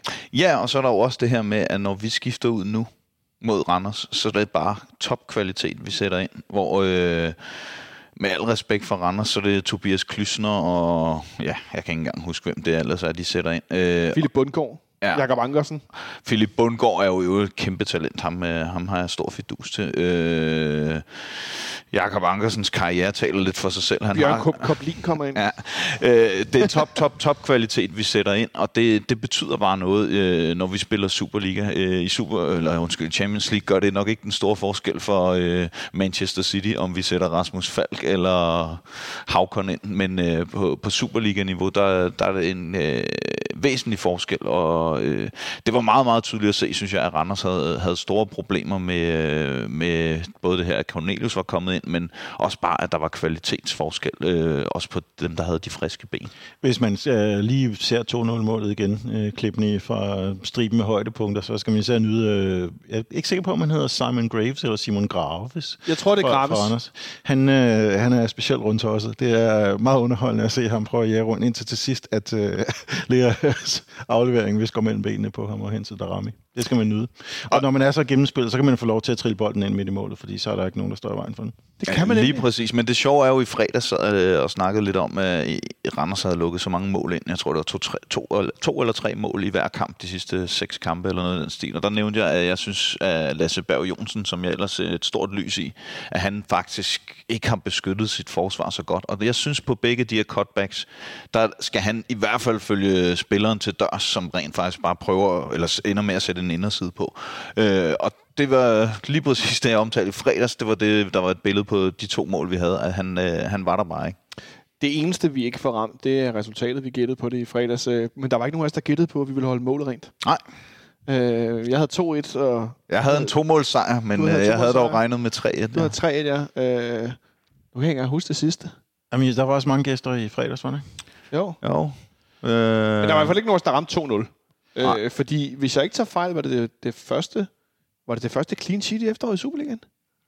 Nej, ikke i efteråret. Det kan jeg ikke tro. Men øh, måske Ej, vi, havde i under hvert fald, vi slog der i hvert fald ikke Ah, 4-0. ja, undskyld. Ja. Det er noget røvl. Men, øh, Nej, det var også under Men det Ej, var det var også- noget forfærdeligt røvl. Undskyld. det holdt jo også øh, rimelig hårdt. Altså, øh, Det gjorde det. Øh, de skaber jo chancer igen, de, de slyngler. Øh, Og så oplevede jeg noget, jeg ikke har set meget af, som overraskede mig. Øh, den gode Kamil Grabata, han virkede noget usikker på nogle, nogle indlæg og nogle, nogle, nogle hjørnespark. Jeg ved ikke, om det handlede om, at Randers fik presset ham med en mand inde på stregen, eller hvordan, øh, hvordan oplevede du det, Nicolaj? Ja, det var lidt tidligere i kampen, var det ikke? At han, øh, han, han famler lidt ved, ved et par situationer, både første og anden. Øhm, men jeg synes jo nok, at han til gengæld så kom efter det, da, da de var ved at score på et Indlæg. der, ja, det, på det der helt flugter indlæg, som, øh, som vist sejler over ham fra, øh, fra hvad det, han hedder, øh, Lavnborg, Ja. som bare smadrer til, og øh, den, den havde jo siddet. Altså, Det været havde- et ret fyldt mål. det havde været en af dem, som formentlig var øh, 0,0 i XG. Men øh, det havde været temmelig imponerende. Der vil jeg så jo også sige, at øh, en ting er, at vi, vi, vi kan godt rose øh, kvaliteten af dem, der kommer ind. Men der synes jeg godt nok, at øh, i både den situation, hvor, hvor de også er ved at score til sidst, der ser, øh, der ser Kevin Dix øh, igen heller ikke særlig stærk ud defensivt. Faktisk skifter vi en højre side ind, der virker noget øh, forvirret, uafstemt. Vi sætter Dix ind i stedet for, øh, hvad hedder det, efter, øh, i stedet for Jelert, som får et tiltrængt hvil, og så sætter vi øh, Isak ind i stedet for Darami efter 78 minutter. De spiller den her højre side sammen, og det er bare en motorvej for Randers. Det er det. Det, det er der, det kommer fra. Og Isak har jo været helt selvtillidsforladt de sidste to-tre kampe, og øh, det blev i hvert fald ikke bedre efter den her Randers-kamp. Dix har haft store problemer nu øh, det meste af efteråret, synes jeg, og øh, begynder efterhånden at være sådan en øh, contender med Peter Ankersen til, hvem der er den øh, dårligste øh, højre bak i truppen. Øh, Apropos folk, der ser selvtillidsforladte ud, Kevin Dix, han ligner jo en, der tvivler på hvilken som helst bold. Lige præcis, og, og, og jeg har jo tidligere også snakket om det, og jeg kan også høre andre øh, i andre podcast, det her med, det er jo ikke fordi, han nogensinde har været en fremragende bak, sådan rent defensivt eller noget, men han har bare haft et impact med assist og mål og alt sådan noget. Og hvis du piller det ud af ham, og det, det er jo det, der er sket her i efteråret, jamen, hvad er der så tilbage? Øh, ja, en ting er at pille de her afgørende aktioner ud, men også det her grundniveau i, at jeg synes, det interessante var ved ham tidligere, at hvis han ikke var meget, øh, hvad skal vi sige, målfarlig med assist eller mål, så vidste du, altså han gik med fuld power ind i alting, og det, var, altså, det er sådan stålsat, altså han taklede igennem, og han skrallede på, og så var der ligesom en indsats. Ja, ja, og han, Og vandt, også han vandt alle dueller i øh, hovedspillet. Det gør han jo heller ikke mere, og når han gør, eller han vinder en del, men så hætter han lige op i luften og sådan noget. Altså, der er, Det er sådan nogle underlige ting. Lige præcis, og det virker jo meget mentalt. Og det, jeg så et interview med ham, hvor han også selv øh, påpegede, at øh, han var meget utilfreds med sit eget niveau. Så det virker som om, han både er klar over det, men er også specielt det her med, at det er noget mentalt. Det er ikke, fordi han slipper rundt med en eller anden lille skade, Nej. øh, som hindrer ham i at spurte eller hoppe højt eller et eller andet i den stil. Så øh, jeg tror, øh, den her vinterpause, den vil øh, komme øh, meget belejligt for både Isak Bergman og øh, Kevin Dix. Det tror jeg, du har ret i. Øh, de har nogle chancer til sidst, Randers. Det trækker lidt op til det her 2-1-mål, som jeg ikke ønskede, de skulle score, men så havde jeg jo gættet rigtigt hernede i fredags. Ej, det er vigtigt, at vi holder målet rent. Det skal jeg være hurtigt til at sige. Det er 10.000 gange vigtigere. Og det lykkedes os også til sidst. De har nogle chancer. De prøver nogle gange at lægge den i det lange hjørne. Øh, Jakob Ankersen har blandt andet en, hvor at, den kunne jeg godt have set, der sejlede ind, hvis han rammer bold. Altså, den når Grabata aldrig. Mm. Øh, men vi får formået alligevel at ride stormen af. Øh, Rasmus Falk kommer også ind i det sidste kvarters tid gør ikke super meget væsen af sig, men får spillet lidt. Han får taget brøden af Randers i nogle øh, pressituationer og sådan noget. Det var jo lige præcis det, øh, han skulle i den situation, som vi jo har nyt godt af i, i mange år efterhånden. Er så, den gamle, undskyld, er den ja. gamle, den gamle kliché, det ikke, at han står på bolden? Altså, han er, han er den, der kan tage, tage, tage tempo ud af deres spil og, og giver også noget ro. Altså, det, det, han, lignede, han lignede sig selv, da han kom ind. Det var det, var det bedste af det. Han Uden at han nødvendigvis skabte noget. Han lignede sig selv, øh, for syren var heller ikke forandret, øh, siden vi så ham sidst. Øh, og så lykkedes det os, Nikolaj, endelig at få scoret mere end et mål i den samme fodboldkamp. Øh, som jeg fik nævnt i indledningen, det er første gang, siden vi vinder 3-0 i Lønby. Det har jeg sikkert sagt utrolig mange gange de sidste par uger og måneder. Men det er lang tid siden. Det føltes som en fest. Det føltes som en mål. Ej, det var, det, det var nu joker, ikke? Men altså, det, det, føltes jo, øh, det føltes jo først og fremmest dejligt, fordi det var to så lækre mål. At det var jo, øh, det, det lignede lige pludselig fodbold. Det var ikke et spørgsmål om at prikke den ind efter klumpspil. Det var, det her, det, det var, det var rigtig fodbold. Det, det, det kunne noget. Det, det, det er jo sådan noget, der altid har gjort, at man glemmer først halvleg, også selvom vi lidt havde den gode gamle dårlig halvleg, god halvleg ting. Ja, det skal jeg ikke sige. Øh, men Alexander, det efterlader os et sted, hvor at vi får vundet den her forudkamp. Og det er utrolig vigtigt i forhold til øh, Superliga-stillingen, som jo er mega, mega tæt i midten. Nordsjælland er stukket lidt af sammen med Viborg for øvrigt, som formåede at vinde 2-0 i Silkeborg i går. Det var øh, noget af en præstation efter straffespark gøjleri ud over det hele. Øh, så finder de 2-1. Øh, men det efterlader til det her store, store midterfelt, hvor der fra nummer, nummer 3 Randers med 23 point øh, ned til øh, nummer øh, 9, øh, som er OB. Vi kan også bare tage nummer 10 med, Horsens. Der er altså kun 5 point det, det er meget, meget stor gruppe hold. Der skal ikke særlig meget til. Så er der nogen, der cykler højt op i tabellen og langt ned. Og hvad er det? Syv, på, øh, syv kampe, der mangler i grundspillet? Eller noget af den stil? Ja, noget af den dur. Øhm, det må det være, for der er 22 kampe i grundspillet. Der, vi har spillet, der, det er runde 15, vi er i gang med nu. Øh, jo, så må det være noget af den stil. Ikke desto mindre, så er vi nu øh, øh, øh med 21 point, så får det samme som Silkeborg og FC Midtjylland. FC Midtjylland, der spiller i, i dag mod øh, OB. Øh, nu krøbet op i top 6. Det kan jeg slet ikke huske, om vi har været i den her sæson. Ja. Det var ikke efter den første kamp i hvert fald. Nej, jeg, jeg tror nok, vi, vi var, har været deroppe og snuse et par gange, også øh, faktisk her øh, i løbet af ja, den seneste Men det er ikke periode. fordi, det er et sted, hvor vi har placeret os meget indtil videre. Og nu er der så gået 15 runder, i hvert fald for vores udkommende. Vi har nu vundet øh, 6 og spillet 3 uafgjorte herinde for den sidste periode, og tabt 6 øh, målscore på 23-20, så den er også kommet op i et, et plusniveau. Øh. Og Næstrup har altså ikke tabt endnu i Jakob Næstrup har ikke tabt så øh, de seks nederlag er i hvert fald ikke på hans kappe. Så en lille kort status, øh, Smølle, inden vi skal spille de sidste to Superliga-kampe i hvert fald. Hvor efterlader det, det, det dig med vores, vores hold og vores point, øh, hvad skal man sige, indtag? Jamen selvfølgelig med, med en svag... Øh en svag, hvad hedder, hvad hedder sådan noget? Opvind. Optimisme?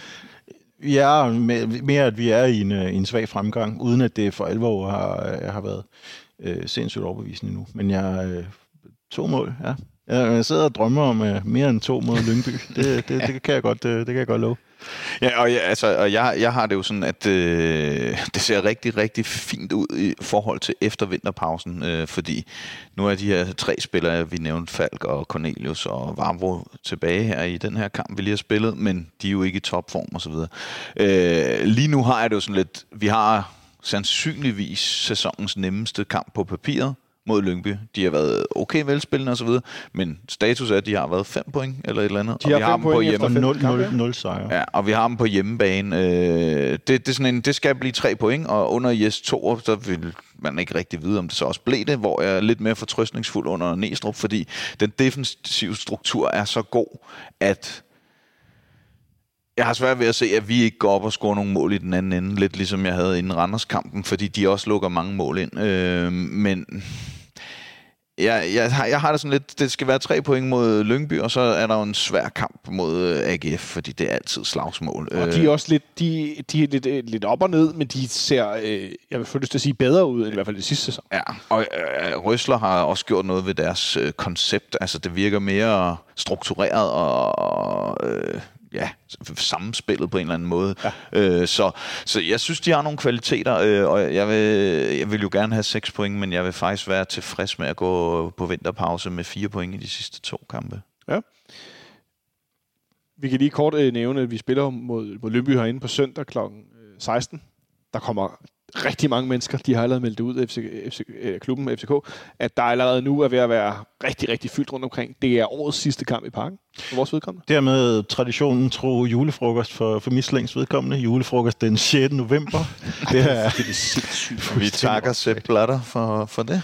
Ja, Platini. Ja, længe leve øh, lorte VM. Øh, men der kommer mange mennesker. Jeg tror faktisk det godt, det kunne gå hen og blive... Øh, jeg får lyst til at sige lidt af en fest, fordi det er den sidste Superliga-kamp i år, og der har været den her grundlæggende stemning med rigtig mange folk i parken. Og nu ser vi, at det begynder at løsne sig en lille smule offensivt. Jeg tror godt, at Lønby kan ende med at få en, en røvfuld, faktisk. Det, ja, altså vi, vi har jo haft problemer med at score mål. Altså nu skal vi jo ikke sidde her nej, og nej. tro, at træerne vokser ind i himlen, fordi vi scorede to mod Randers. Men, men det giver da lidt håb, øh, at vi både har kunne bryde den der sådan lidt et, et måls ting, hvis vi overhovedet har scoret. Og så Cornelius også øh, ser ud, som om han kan bidrage med noget deroppe foran. Ja. Så, øh, så, så det ville da være rigtig dejligt. Ja. En man of the match for kampen i Randers, inden vi skal kigge frem mod kampen på onsdag hen mod Borussia Dortmund. Øhm, vi har ikke rigtig talt om ham, men jeg synes, at øh, Dennis Vavro gjorde et fantastisk godt comeback. Øhm, det var, når, når, de skabte, når der blev skabt chancer, var det bestemt ikke øh, øh, ham, der var, der var der så skidt ud. Og, øh, og samtidig så synes jeg, at han, øh, om nogen var, var den type roligt fremspillende forsvar, som, øh, som vi tit efterlyser. Jeg, øh, jeg synes, det var, det, var, det var strålende at se ham tilbage igen. Jeg frygter lidt for, at han vil have mindre ro, end Krutulava har haft det sammen med Valdemar Lund, eller hvem der nu har spillet ved siden af, og været den voksne i vores forsvar, når vi nu stiller med Jelert og Victor Christiansen, som, og den, øh, ja, Grabata, der heller ikke er den, den ældste målmand i verden. Øh, men han virkede meget som den her erfarne øh, midterforsvar, Hvem har du øh, på papiret, Alexander? Jamen, jeg havde faktisk Vavro som uh, honorable mention, fordi jeg øh, specielt lagde mærke til, at hans sådan, offensive afleveringer var meget højere niveau, end jeg synes, vi har set længe. Mm. Uh, han har altid haft nogle gode, sådan, lange diagonaler, men både i det korte og lidt længere spil, specielt ud til uh, Elias uh, Jelert, og det, det, det vil så være min man of the match, uh, Elias Jelert. Ja. Det kan jeg godt gå med. Jeg tror faktisk, jeg går med Mohamed Arami alene på den her anden halvleg, fordi jeg har lidt slack med de offensive spillere. Også med angriber, som I kan huske mange af jer i gamle dage. Tidligere, øh, inden han var herinde her i foråret, Nikolaj Jørgensen, som folk kunne bande langt væk, og han lavede de her chassé-hop, når han var utilfreds med, at det ikke lykkedes. Men de der spillere, der ligger deres spil så højt op, når det så lykkes for dem, så altså, angriber, hvis du scorer på den ene, du brænder 10, ja, og altså, det er det, du er der for. De skal øh, satse, de skal øh, sætte sig selv på spil. Og så kan han spille en dårlig første halvleg, og hvis han er skarp, så skruer han det her angribermål på den her bold, han lige får skubbet til. Men så spiller han en anden halvleg, og Jakob Næstrup fortæller efter kampen til Discovery, han talte ikke med Mo i pausen om, at lige skulle hive ham op og sige, gør sådan og sådan. Det går han faktisk selv. Det synes jeg er stærkt, og det synes jeg er et vidnesbyrd om, at det også er en mere moden Mohamed Rame, vi ser i forhold til at kunne, okay, nu går du ud i anden halvleg, og så gør du noget andet. Nu er du der. Nu skal du fandme, nu skal jeg være der, ikke? Det synes jeg er fedt at se. Så derfor får han den af mig herfra. Er der andet, vi skal sige om Randerskampen? Øh, jeg synes, uh, Lea har spillet en af sine uh, bedste kampe længe for FC København. Ja. Uh, ikke kun fordi, at han både lavede mål og assist, men øh, jeg synes, han var forholdsvis god i presspillet. Altså, han havde problemer ligesom resten af holdet der i de der 35 minutter øh, i, anden, eller i første halvleg, men, øh, men jeg synes faktisk, han leverede en, øh, en ganske fin præstation. Ja, lad os bare lukke den der, og så kigge frem mod onsdag. Thanks for tuning in to FC Copenhagen Fan Radio. You're listening to Atiba Hutchinson. Det er nemlig sådan, at øh, vi skal afslutte Champions League gruppespillet, og det skal vi på hjemmebane mod Borussia Dortmund. En kamp, der er blevet talt øh, rigtig meget om af forskellige årsager. Øh, vi håbede jo på, at vi kunne få point i, i Sevilla, så det kunne blive en, det kan være, skal en gruppefinale i forhold til, at vi kunne kvalificere os til Europa League til foråret. Det lykkedes ikke. Så på den måde står der ikke, øh, er der ikke noget på spil, øh, Nikolaj, men der er meget snak rundt om den her kamp, så vi bliver nødt til at nævne, efter at vi jo spillede nede i, i Tyskland, hvor der var øh, Brøndby-fans, der havde valgt at bruge det meste af en dag på at tage til, til, til Borussia-området og øh, skulle hilse på nogle af vores fans og uddele øretæver, jeg ved fandme ikke hvad. Øh, og politiet har forsøgt med alle mulige midler at få UEFA til at flytte kampen til øh, kl. 14 uden fans. De har forsøgt at flytte den til kl. 14 med fans. Øh, så har de forsøgt at, at flytte den til tidligere end kl. 21, som den skulle spilles til kl. 19. Det lykkedes heller ikke. Og de har gjort en masse ting for at lave noget mere sikkerhed omkring kampen.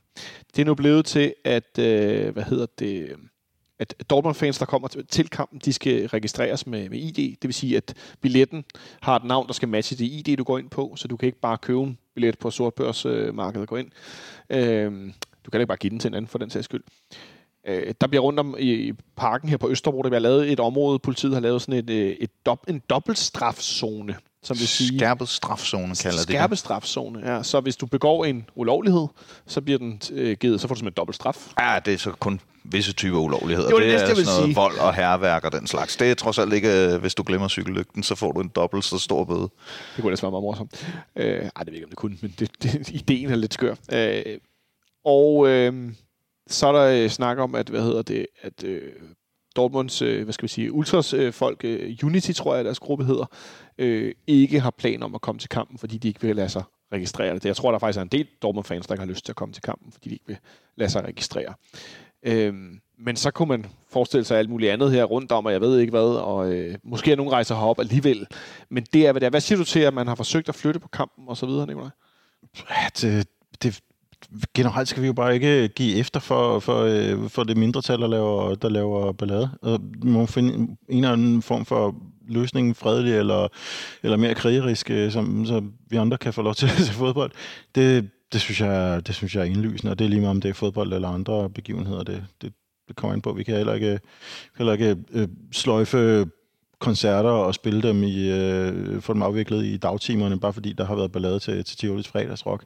Jeg synes, det er principielt fuldstændig forkert. Alexander, fra sådan et øh, kommunikativt synspunkt, hvordan synes du, at politiet har håndteret øh, hele den her, øh, det her forsøg på at, og, hvad skal vi sige, øh, få indvirkning på, hvordan fodboldkampen skal afvikles? Jamen, øh, først og fremmest, hvis vi lige ser bort fra kommunikationsmæssigt, så synes jeg jo, det er et kæmpe, øh, kæmpe problem, at politiet på den måde vil prøve at detaljstyre, hvordan øh, en privat virksomhed skal altså afvikle øh, et arrangement, og det som, øh, som Mølle også siger, om det er en koncert eller hvad det er. Øh, og så synes jeg, at Peter Dahl øh, fra Københavns Politi øh, lidt har gået rundt som sådan en elefant i en glasbutik, når han har udtalt, og det gælder også der, da vi ikke kunne få lov til at tage ud til Brøndby, og der var den her demonstration osv. Retorikken er meget konfrontatorisk, synes jeg. Øh, altså, de bliver ved med at sige, at de forventer ballade, og de øh, har ingen forestilling om, at det kan afvikles fredeligt og alle de her ting. Og på den måde så tegner de jo også et billede både over for politikere, som vi jo ved lige nu har fokus på, på fodbolden og hele den her sikkerhedspakke, der skal øh, udarbejdes omkring det sammen med divisionsforeningen, og, og så også over for herre fru Danmark, altså som når de læser en øh, politimand, jeg ved ikke, om han er politiinspektør eller hvad han er, øh, så udtaler men vi regner med, at der kommer hårdere af frodende voldspsykopater fra øh, Dortmund til København og raserer hele byen, og derfor indfører vi skærpet straf, Så skal jeg da godt forstå de tænker, hvad er det, der foregår? Altså, hvad, altså det, skal det ikke bare være en fredelig fodboldkamp?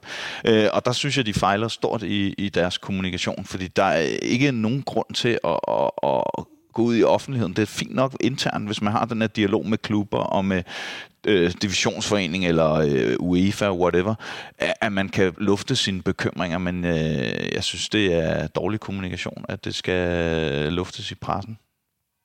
Det virker som om, at øh, på mig i hvert fald, Nikolaj, der virker som om på mig, at, at politiet, de ligesom har øh, en ramme for, okay, hvor langt kan man skubbe øh, hvad skal man sige, bestemmelsen over, hvad der skal foregå i forhold til, som vi har set med Derby nogle gange, spillet klokken 12 herinde, tror jeg.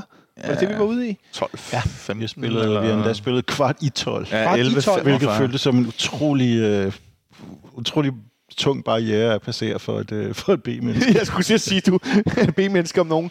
Men, men det her med, at politiet ligesom siger, okay, det her det er rammen, og så forsøger de at max ramme helt ud. Som det første at sige, vi vil gerne have det her kl. 14 uden tilskuer. Og så jo mere de ligesom bliver modarbejdet fra, hvem det nu er, så skubber de længere og længere, længere bagud, men de starter med det ultimative øh, og så går de den anden vej. Det kan godt være, at det, det, det, det er bare mig, der oplever det sådan, men, men også i forhold til derbykampen, at de siger, ingen tilskuer kl. 11. Og så langsomt, langsomt, langsomt bevæger de sig bagud. Øh, det, jeg ved ikke, om det er en forhandlingstaktik, eller hvad det er, men jeg synes bare, det virker voldsomt. Altså, den øh, udmelding, der kom fra politiet, har, øh, der har tydet på en slags øh, ensidig forhandling, hvor de er kommet med en masse krav, og ikke rigtig har kunnet få hul igennem til UEFA, og dermed heller ikke til, til FC København omkring, omkring de ændringer, de gerne ville foretage. Og det, det kan man godt se i tonen på det, der er blevet meldt ud fra politiet, at øh, det føler de sig ikke særlig godt tilfreds med. De, øh, der, der er nogle, øh, der er nogle øh, store kanoner i politiet, der formentlig har fået deres øh, ære en lille smule øh, puffet til her, og det, det synes jeg virker meget tydeligt. Men, men at det skal bestemme, hvad der skal foregå, det kan jo ikke være vores problem. Men kan du forstå deres bekymring fra politiets side? Jeg kan godt forstå en vis bekymring, og jeg kan også forstå deres bekymring, da der var demonstrationer. Jeg er også, øh, jeg, vil, jeg vil gerne stå frem og sige, at jeg synes, at jeg var, jeg var selv stærkt bekymret, da der var demonstration på Derby-dag. Jeg troede, det var alt for hasarderet. Det viser så, at det kunne sagtens lade sig gøre, uden at der kom, at det kom til optøjer. Det tror jeg altså først og fremmest på, at den her planlagte kamp også kan. Øhm, og så ikke mindst, hvis, øh, hvis ovenikøbet af, af, af nogle af Dortmunds fans, der må formodes at være gode venner med Brøndby, at de at de bare bliver væk fra det. Øh, det her, det virker som om, at det, det er udelukkende et absolut worst case scenario, der skal få lov til at diktere, hvad der kommer til at foregå, og det skal, det skal vi jo ikke finde os i som, som borgere. Nej, og mange fodboldfans, eller i hvert fald nogle fodboldfans, ynder jo også at sammenligne fodboldkampe med øh, nattelivet. Øh, jeg er selv en af dem. Det her med, at du kan jo ikke, fordi at der er vold i nattelivet, så skal du lukke øh, alle natklubber ned, og så kan DJ'en stå og spille for et tomt dansegulv og sådan noget. Altså, det, det lyder som et vildt billede. Jamen, og, og, og det er jo det, og igen, når man kigger på voldstatistikkerne til fodbold, så er de jo faldet drastisk, og så ved jeg godt, så snakker man om, ja, så er der skovboks, og der skal alt muligt, men Fakta er, at der er aldrig blevet anholdt så få for vold øh, til fodboldkamp, som der, der bliver øh, i de her år. Og, og så giver det simpelthen ingen mening, at man på trods af øh, enkelte elementer, vi har jo set, altså så sent som i seneste derby øh, i parken, øh, med de her Brøndby-fans, der smadrer sæder, og altså der, der er episoder, men igen, det skal jo ikke gå ud over et flertal på 100.000 vis af fodboldfans, måske endda millioner. Jeg ved ikke, hvor mange, øh, der bekender sig som fodboldfans i fodbold Danmark, øh, men at det skal gå ud over dem, at der står øh, 30 frodende idioter på, øh, på D-tribunen i parken, eller øh, øh, 10 øh, Aarhusianer i Aalborg, eller altså, nej, var, jo, var det ikke efter at snuppe nogle fodboldtrøjer fra nogle OB-fans for nylig også, og sådan noget. Ikke? Altså, der er de her sænker, som er i alle klubber, og selvfølgelig dem, der har flest fans, de har jo så også øh, procentvis flest øh, af de her øh, elementer. Men, men vi snakker måske 100, max 200 af, af den type mennesker ud af millioner? Eller? Jeg får lyst til at sige, om ikke millioner, så med, med landsholdets succes sidste år til EM. Med det, de menneskemængder, der mødtes i forskellige byer i Danmark og så fodbold, så er det mange mennesker, der har fået en mere grundlæggende interesse. Vi ser det også til vores kampe herinde, og mange, der pludselig ser fodbold og som vi har talt om tusind gange, specielt hvor mange unge kvinder, der pludselig er at finde herinde. Det har der bare ikke været før. Det er altså ret anderledes. Jeg tror, vores medfans er blevet noget mere differentieret i, hvilken type der, menneske der er, der går til fodbold. Det ja, tror jeg er fuldstændig evident. Og det, og det er bare ikke fordrende for, for den udvikling, når politiet så går ud og omtaler fodbold som øh, et voldsorgie, øh, som øh, de skal stoppe med alle midler. Øh, og det, det er lidt den, øh, den retorik, jeg synes, der kommer fra København og Vestegnens politi. I hvert fald så bliver kampen spillet kl. 21, som det var meningen, øh, mod Dortmund-hold, som i weekenden øh, på udebane øh, slog øh, Frankfurt 2-1. Et Frankfurt-hold, som ellers er i temmelig god form. De har blandt andet en tidligere brøndby Jesper Lindstrøm, som gør det øh, desværre rigtig godt, for jeg lyst til at sige, for den her stol, fordi det er jo her, det kommer fra. Uh, han ligner en, der skal starte for Danmark til det her VM. Hvis jeg ikke, altså, der, er, der er kamp om de der offensive pladser, men han spiller lige nu det bedste, han nogensinde har gjort. Og jeg kan godt uh, for egen regning sige, at jeg har regnet med, at han vil knække halsen eller brække nakken på at tage til Bundesligaen. Det har han simpelthen uh, gjort til skamme. Min, mine hvad skal man sige, øh, min forudsigelse eller min tanke. Det må jeg bare sige. Øh, men Dortmund slår dem 2-1. Øh, på udebane et Dortmund-hold, som har været lidt op og ned, øh, men stadigvæk ligger i, i toppen af Bundesligaen. Øh, Nikolaj, jeg ved, at du, øh, du følger noget med i, hvordan det går med, med Dortmund nogle gange, øh, sådan øh, resultatmæssigt i hvert fald. Ja, jeg kan lige så godt sige det lige ud. Jeg holder med det. Ja, men ikke så meget det, men ikke, også bare i forhold til den, deres nuværende form. Ikke fordi de er gode venner med Brøndby. Nej, nej, nej, det ved jeg godt. Det var slet ikke det, jeg ville ind på. Det var mere i forhold jo, til nej, jeg spillemæssige. Ja, men jeg, øh, jeg så også øh, først halvleg af kamp, mens jeg lavede mad. Så, øh, så skulle jeg spise. Og så vandt de.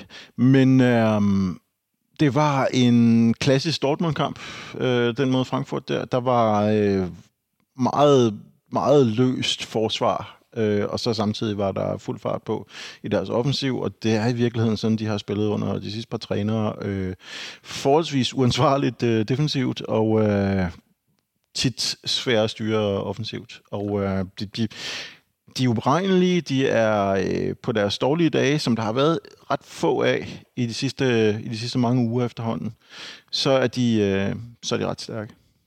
De, jeg, at de var dårlige sagde de, de var stærke på deres dårlige dage. De var stærke på deres gode dage. Ja. Og dem har der været en del af på De var også lidt heldige, kunne jeg læse mig til. Jeg så faktisk ikke kampen, men jeg så dommeren efterfølgende var ude og sige, at han skulle nok have givet et straffespark til før omtalte Lindstrøm faktisk. Øh, så øh, det var ikke en, en præstation, hvor jeg i hvert fald personligt vil sidde og tænke, okay, nu skal vi virkelig øh, ryste i bukserne, fordi dels så, så var det som sagt lidt heldigt, at de, de fik alle tre point, og dels så stiller de jo sikkert op med endnu flere reserver, end vi gør. Det er meget stærkt at tage til Frankfurt og øh, have øh, sådan øh, afslutninger mod mål. Øh, 20-8 har Frankfurt altså skud, og så på mål. Dortmund har øh, 8-2. Så det vil sige, at de scorer to mål på to afslutninger inden for rammen. Det er alt andet lige meget stærkt. Øh, det må man sige. Øh, I en kamp, hvor de i stor del af tiden faktisk er presset sådan en del tilbage. Øh, men øh, de har også, øh, jeg ved ikke om de har, har slået lidt med det, de ligger som sagt stadig med i en ret tæt top i, i Bundesligaen, hvor man, jeg får lyst til at sige, Bayern München for en gang skyld ikke er stukket af allerede, og kun ligger nummer to efter Union Berlin af alle hold. De vinder så 6-2 over Mainz i weekenden. Øh, det er så relativt hæftigt.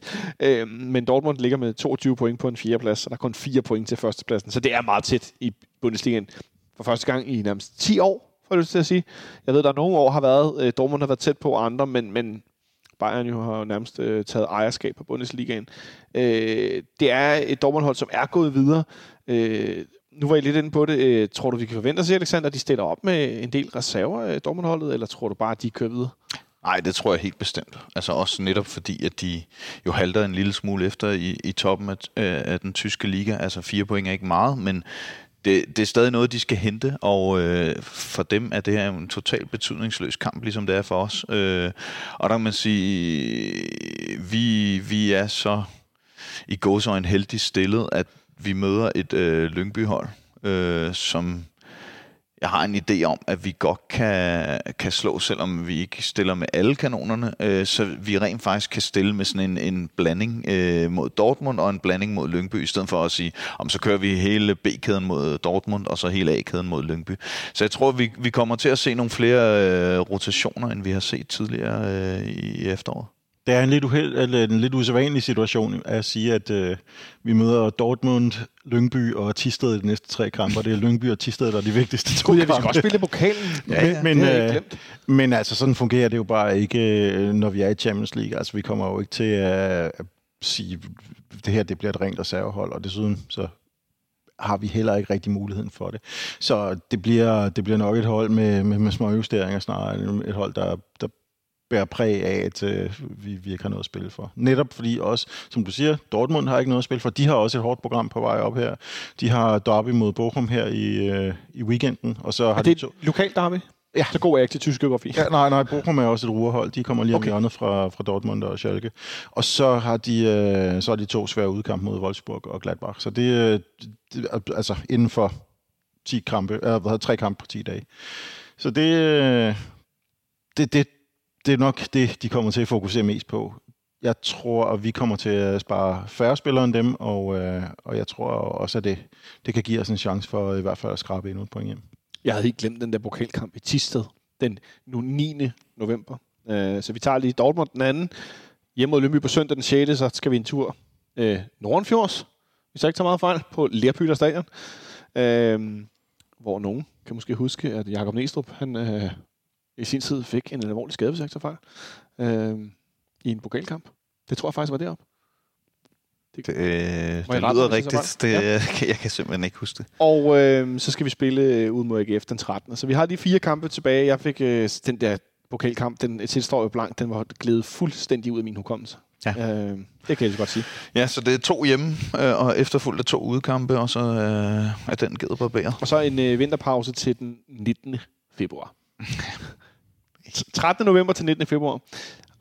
Det, det minder mig om øh, slut 90'erne, start 0'erne, hvor der nogle gange var Ja, to tre. måneder. Øh, Ja, men jeg tror, har vi ikke også været helt op på omkring tre måneder, ikke? Altså, hvor vi sluttede i november, og faktisk der først startede i marts, eller sådan noget. Der, Øh, der findes nogle statistikker over nogle lange vinterpauser. Øh, Ja. Men øh, fyldt parken på onsdag.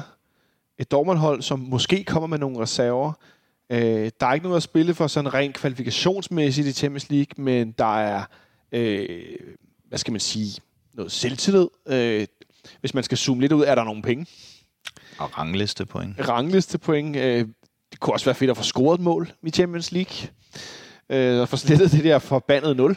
Ja. Øh, men ja, Nicolai, hvor højt vil du egentlig vægte, at vi får øh, point på tavlen, at vi får, som måske er, kommer af, at vi scorer, måske endda vinder kampen, hvis man skal være meget optimistisk? Altså, jeg håber da ikke, at vi taber. Ej, jeg, jeg, det ved jeg ikke, hvordan man kan, kan, kan sætte værdi på. Altså, Nå, men hvor, hvor vigtigt synes du, det er? hvis, vi- hvis, hvis, vi, hvis vi marcherer ud af parken og har tabt 2-0 efter en hederlig indsats, så, så bliver det ikke noget, jeg kommer til at, at ligge og græde søvnløs over. Det, øhm, sådan er det bare.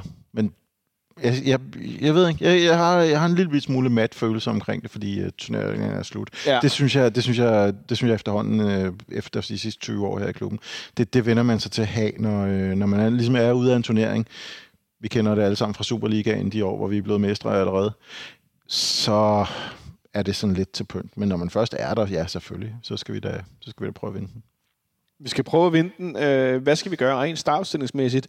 Nu var vi inde på det tidligere. En, der har slået sig med det, Markus Daminic. Det er det nemmeste sted for mig at starte. Skal vi have William Klem ind fra start? Det er i hvert fald en oplagt mulighed. Spørgsmålet er jo selvfølgelig, om Næstrup vurderer Klem til at være foran Stamenic nu, hvilket jeg godt kunne have en idé om. Og så vil jeg faktisk måske nærmere starte med Stamenic. Det er jo ikke sådan, at Stamenic er noget helt nyt. Øh, altså, han, han har også spillet øh, nogle af de her kampe. Øh, jeg tænker, at det er sådan helt klassisk. Altså, i centerforsvaret kan vi ikke rigtig gøre så meget. Øh, og så hedder den måske Christian Sørensen på venstre bak. William, eller undskyld, øh, VK, han kan jo løbe solen sort. Jeg tror faktisk, at VK starter, og det tror jeg, fordi at han har karantæne i kamp mod Lønby. Ja, og det, det giver jo god mening. Det havde jeg allerede svedt ud, men det har du helt Nå, men ret så er i. det ikke så, kun mig, der sveder ting ud. så er giver det jo sig selv, ikke? Og, og så kunne det være, en Dix øh, fik lov øh, at spille i stedet for Jelert, så han lige kunne få en pause. Øh, og så ja, Stamenic op, og s- ja, ellers så er det jo ikke rigtig... På toppen, tror du Cornelius får lov at starte ind? nu? Nej. Nu har han... Det håber og tror jeg ikke. Øh, det ville være dejligt at se ham, hvis han kunne spille 90 minutter, men det tvivler jeg bare på, at han kan. Og hvis der er en ting, jeg ikke vil, så er det at undvære ham i de øh, tre efterfølgende kampe. Øh, altså pokalen og øh, de to Superliga-kampe. Øh, Ja. Ja. Lønby AGF. Kan vi udfordre den lidt, Nikolaj? Tror du, vi får corner se fra start, og så måske tage ham ud efter en time? Nej, jeg tror snart, det bliver omvendt. Jeg tror, det bliver lidt samme taktik som, øh, som Sevilla, at, at han øh, vil blive sat ind, hvis der er brug for det. Ja. Det, øh, det regner jeg med. Og så, om det så skal være Havkon, øh, der ligger bag Klaarsson, eller omvendt, det, det, er lidt, det kommer lidt ud på et. Ja, ja, det lyder som om, at, øh, at Klaarsson er, er mere eller mindre fast indstillet nu, hvis man skal tro på øh, Næstrup's interview inden kampen her sidst. At han er, er fast, øh, fast indrettet til at skulle være en af, af de offensive midtbanen, men ikke angriber mere. Så det... Øh, Som otter i virkeligheden, ikke? Ja. ja. Et interview, som var det tilgængeligt på Discoverys hjemmeside, hvis jeg ikke tager meget fejl? Ja, det, det er det måske. Det var, det var et, der kørte i den der optakt, hvor, hvor de kører dem uden afbrydelser og, øh, og, og klipper ind. Så, så stod de og snakkede videre over et øh, tak, tak, taktikbræt i en 5-6 minutter mere. Det var, det var faktisk ganske, ganske oplysende og underholdende. Det var det nemlig. Øh, det eneste problem ved det der med Discovery uden afbrydelser, jeg ved ikke, hvornår jeg skal gå ud og tisse. Fordi der er ikke nogen reklamepause, hvor jeg muter tv'et og løber ud og gør et eller andet og sætter kaffe over, hvad ved jeg. Øh, fordi der sker hele tiden et eller andet, og når der normalt vil være reklamer, så står Kien Funuti med Jakob Næstrup et taktikbræt og flytter rundt på brækker og fortæller, og øh, ja, det var der lige, jeg fik godt nok skruet op for tv'et, fordi der, altså, som du siger, det var oplysende, jeg, fik, jeg blev faktisk klogere. Øh, det var enormt øh, rart at se, men jeg mener, det ligger på Discovery's hjemmeside, hvis ikke man har set det. Det kan man gøre med stor fordel. Øh, Og det efterlader os et, et sted, hvor at, altså, tror du, det kan bære, hvis Dortmund kommer med en 4-5 reserver? De mangler også en del spillere, der er skadet. Vi ved, øh, Darami får også sagt øh, i et interview i, i går eller i dag, at i parken man bliver, de bliver løftet, som de, vi så det i, i, mod- både mod City og mod Sevilla, at det, åh, det er måske en af de største københavnske klichéer med de her European Nights. Der, altså selv nu med det her unge hold, der sker bare et eller andet. At det gør der, og det synes jeg jo, altså under Næstrup har det jo ikke kun i parken, altså den der præstation mod Sevilla, som vi jo har øh, dissekeret, men de første 88 minutter var jo også øh, ganske, ganske fin. Og, og jeg håber, det er jo en lignende præstation, vi kan levere mod Dortmund, og så skal vi bare lade være at lukke tre mål ind. øhm, Åh, ja, det det og få et rødt kort. Nej, øh, hvad hedder det? Jeg synes, den præstation i Sevilla var utrolig opløftende i forhold til den her Dortmund-kamp, fordi jeg tænker, at vi stiller op sådan lidt derhen af, som vi gjorde i den kamp, altså med de her småjusteringer, som øh, Smølle også snakker om. Ja, og så var vores i stedet for Rotulava, som Ja, ja, og det, det giver jo sig selv. Ja. Ja. Og så håber vi jo bare, at han holder, fordi Næstrup var ude at sige i forbindelse med, at Vavro startede ind her mod Randers, og det var jo en chance, man tog. Ja. Men øh, det var en kalkuleret chance. Øh, og det, det tyder jo på, at han ikke er helt fit, og, og hvis han lige pludselig skal ud i en øh, løbeduel med, jeg kan ikke engang huske, hvad han hedder, ham Raketten, de har ham nogen øh, i Dortmund, øh, op foran, de skiftede ham ind, da vi var dernede. En, øh, en, øh, var han amerikaner måske? Det kan jeg ikke huske. De havde i hvert fald en Claudio, meget... Claudio Reina? Er Nej, det ham, du tænker på? nej, nej. Øh, jeg kan ikke huske navnet. Det er også ligegyldigt. De satte Jamen, en øh, lynhurtig øh, angriber ind i... Øh, Altså, Mokoko? Yes, lige ja. præcis. Øhm, og øh, hvis øh, Vavro skal ud i en løbeduel med ham, så øh, ud fra det, Næstrup sagde øh, omkring det her med, at man tog en chance, kan jeg jo godt være lidt nervøs for, at hans øh, skade den kan, kan, kan springe op igen. Øh, men øh, men øh, lad os krydse fingre for, at det ikke sker. Ja, jeg ville bare sige, at øh, hvis man var nervøs for, at der aldrig var ja, der var noget hold, der aldrig havde scoret i, øh, i løbet af en Champions League-pulje, så skal man ikke være så bange. Det var der tre, der har gjort før os. Hvad er det for nogle hold? Øh, La Coruña tilbage i 2004, Deportivo La Coruña 2004. Wow. Maccabi Haifa i 2009 og Dinamo Zagreb i 2016. Så det vil ikke være enestående. Og det letter mit hjerte lidt, trods alt. Fordi det, det er lidt... øh, Nu har vi fået nogle point, men det er noget skrabet. Øh, det ville også have været voldsomt, hvis vi gik videre uden at score på uafgjorte næsten. Øh, med tanke på vores første Champions League, øh, hvad hedder det, gruppespil i 06, hvor vi jo ikke gik videre med hvad? Nu bliver jeg helt i tvivl. Er det øh, syv point? Syv point, tror jeg. Ja, det, er også, øh, det var også relativt hæftigt. Øh, men altså, Alexander, du, hvad forventer du af den her fodboldkamp? Jamen, øh, lidt som jeg sagde før, altså, jeg håber og tror, at det bliver en øh, præstation, eller det vi så mod Sevilla. Øh, og der tror jeg, altså, Dortmund er jo niveauet over Sevilla, hvis du spørger mig, men omvendt så stiller Dortmund sandsynligvis op med en del reserver, hvor Sevilla havde kniven på struben mod os. Øh, og, og der tror jeg selv, hvis vi så hiver nogle reserver, så det, at vi spiller på hjemmebane, det gør, at vi bør kunne levere en præstation eller den mod Sevilla. Øh, som sagt, minus øh, de tre mål forhåbentlig, øh, som de putter ind. Øh, og de har jo heller ikke Isco. Øh, de har så nogle andre gode spillere, men øh, han, øh, han gjorde, hvad det passede ham dernede i Sevilla, og det, øh, det, det slipper vi heldigvis for i den her kamp. Så jeg forventer et øh, kampforløb lidt eller det. Det kan godt være, at Dortmund kommer foran, men jeg tror også, vi kommer frem til chancer, som øh, vi gjorde nede i Sevilla, og øh, så håber jeg bare, at vi sætter nogle af dem ind. De har Jude Bellingham i modbydelig form. Øhm, Spørgsmål, om Nå, han normalt- spiller. Ja, bliver han ikke sparet? Jo, jo, det, det skulle... Ja, på den anden side, så, så er han så vigtig for deres spil lige nu, at Øh. jeg synes ikke, det er... Spar ham lige, kom nu. Det, hvis, hvis vi havde siddet i morgen, havde vi formentlig haft nogle, øh, nogle rigtig gode hints om det. De plejer at være ganske åbne med, hvem de, øh, hvem de udtager, men, men lige ja. nu, så, så må vi bare gætte et Sevilla-hold, bare lige for at nævne det, som vi jo for øvrigt øh, efterfølgende her i weekenden taber 1-0 på hjemmebane til Rayo Vallecano af alle hold. Øh, det er et lille bitte øh, hold fra, fra Madrid-forstad, som ligger godt nok midt i ligaen, men stadigvæk en, en kamp, hvor Sevilla har en, masse afslutninger, men simpelthen er dårligere og, taber på hjemmebane til, til Rayo. Noget overraskende resultat. Men Nikolaj, den sidste europæiske kamp i den her sæson på, på hjemmebane, øh, i, i Champions League. Øh, hvad synes du, det har været ind, indtil nu, for en, øh, hvis vi skal kort sådan, inden vi gætter på et resultat, øh, hvad synes du, det har været for en Champions League-kampagne, vi har været igennem?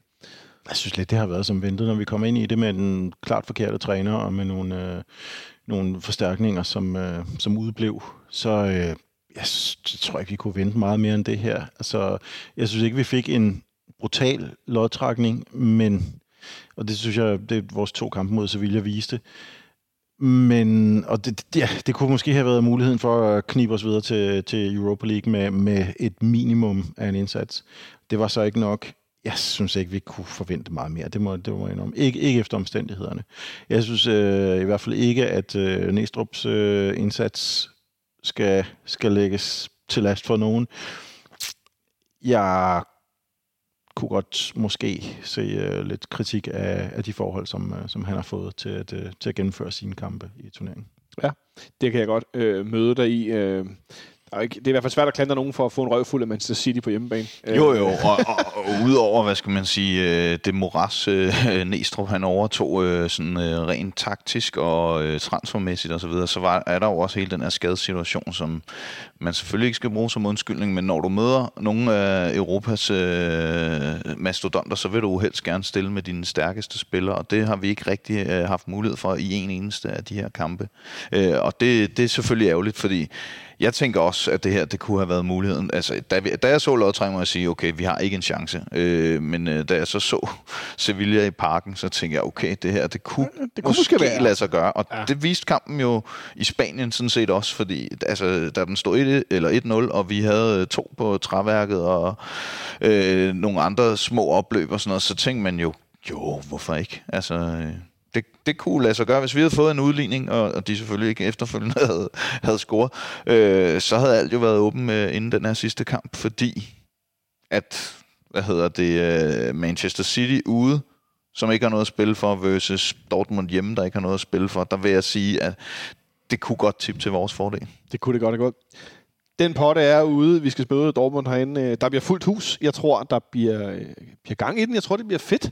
Øh, også fordi, at det kan godt være, at der ikke er noget sådan øh, turneringsmæssigt at spille for, men det er stadig en kamp i Champions League. Det giver altid noget ekstra... Øh, jeg ved, krydderi er ikke det rigtige ord, men det, det er som om det hele det summer lidt på en anden måde. Øh, jeg glæder mig i hvert fald, det kan jeg sige øh, for mit eget vedkommende, fordi det er bare noget større, og der er så få Champions League-kamp, og vi er bare gode på hjemmebane i Champions League. Vi har selv haft øh, fine Champions League-oplevelser, efter vi rød ud. Der var en tre år Celtic engang, hvor vi intet kunne nå, men stadigvæk spillede en skudekamp. Fed kamp. kamp. Ja. ja, fed kamp.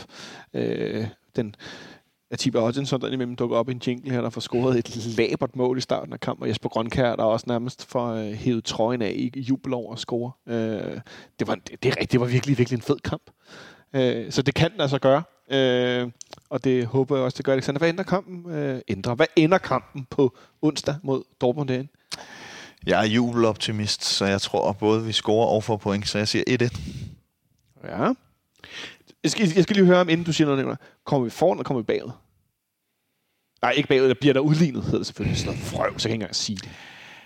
Altså, umiddelbart så vil jeg skyde på, at, at vi kommer bagud, og så... Øh Dortmund ikke rigtig gider, øh, fordi de ikke har noget at spille for, og så kommer vi til at halse øh, efter og jagte, og øh, så kommer Cornelius sgu nok ind og pander den ind på et hjørnespark.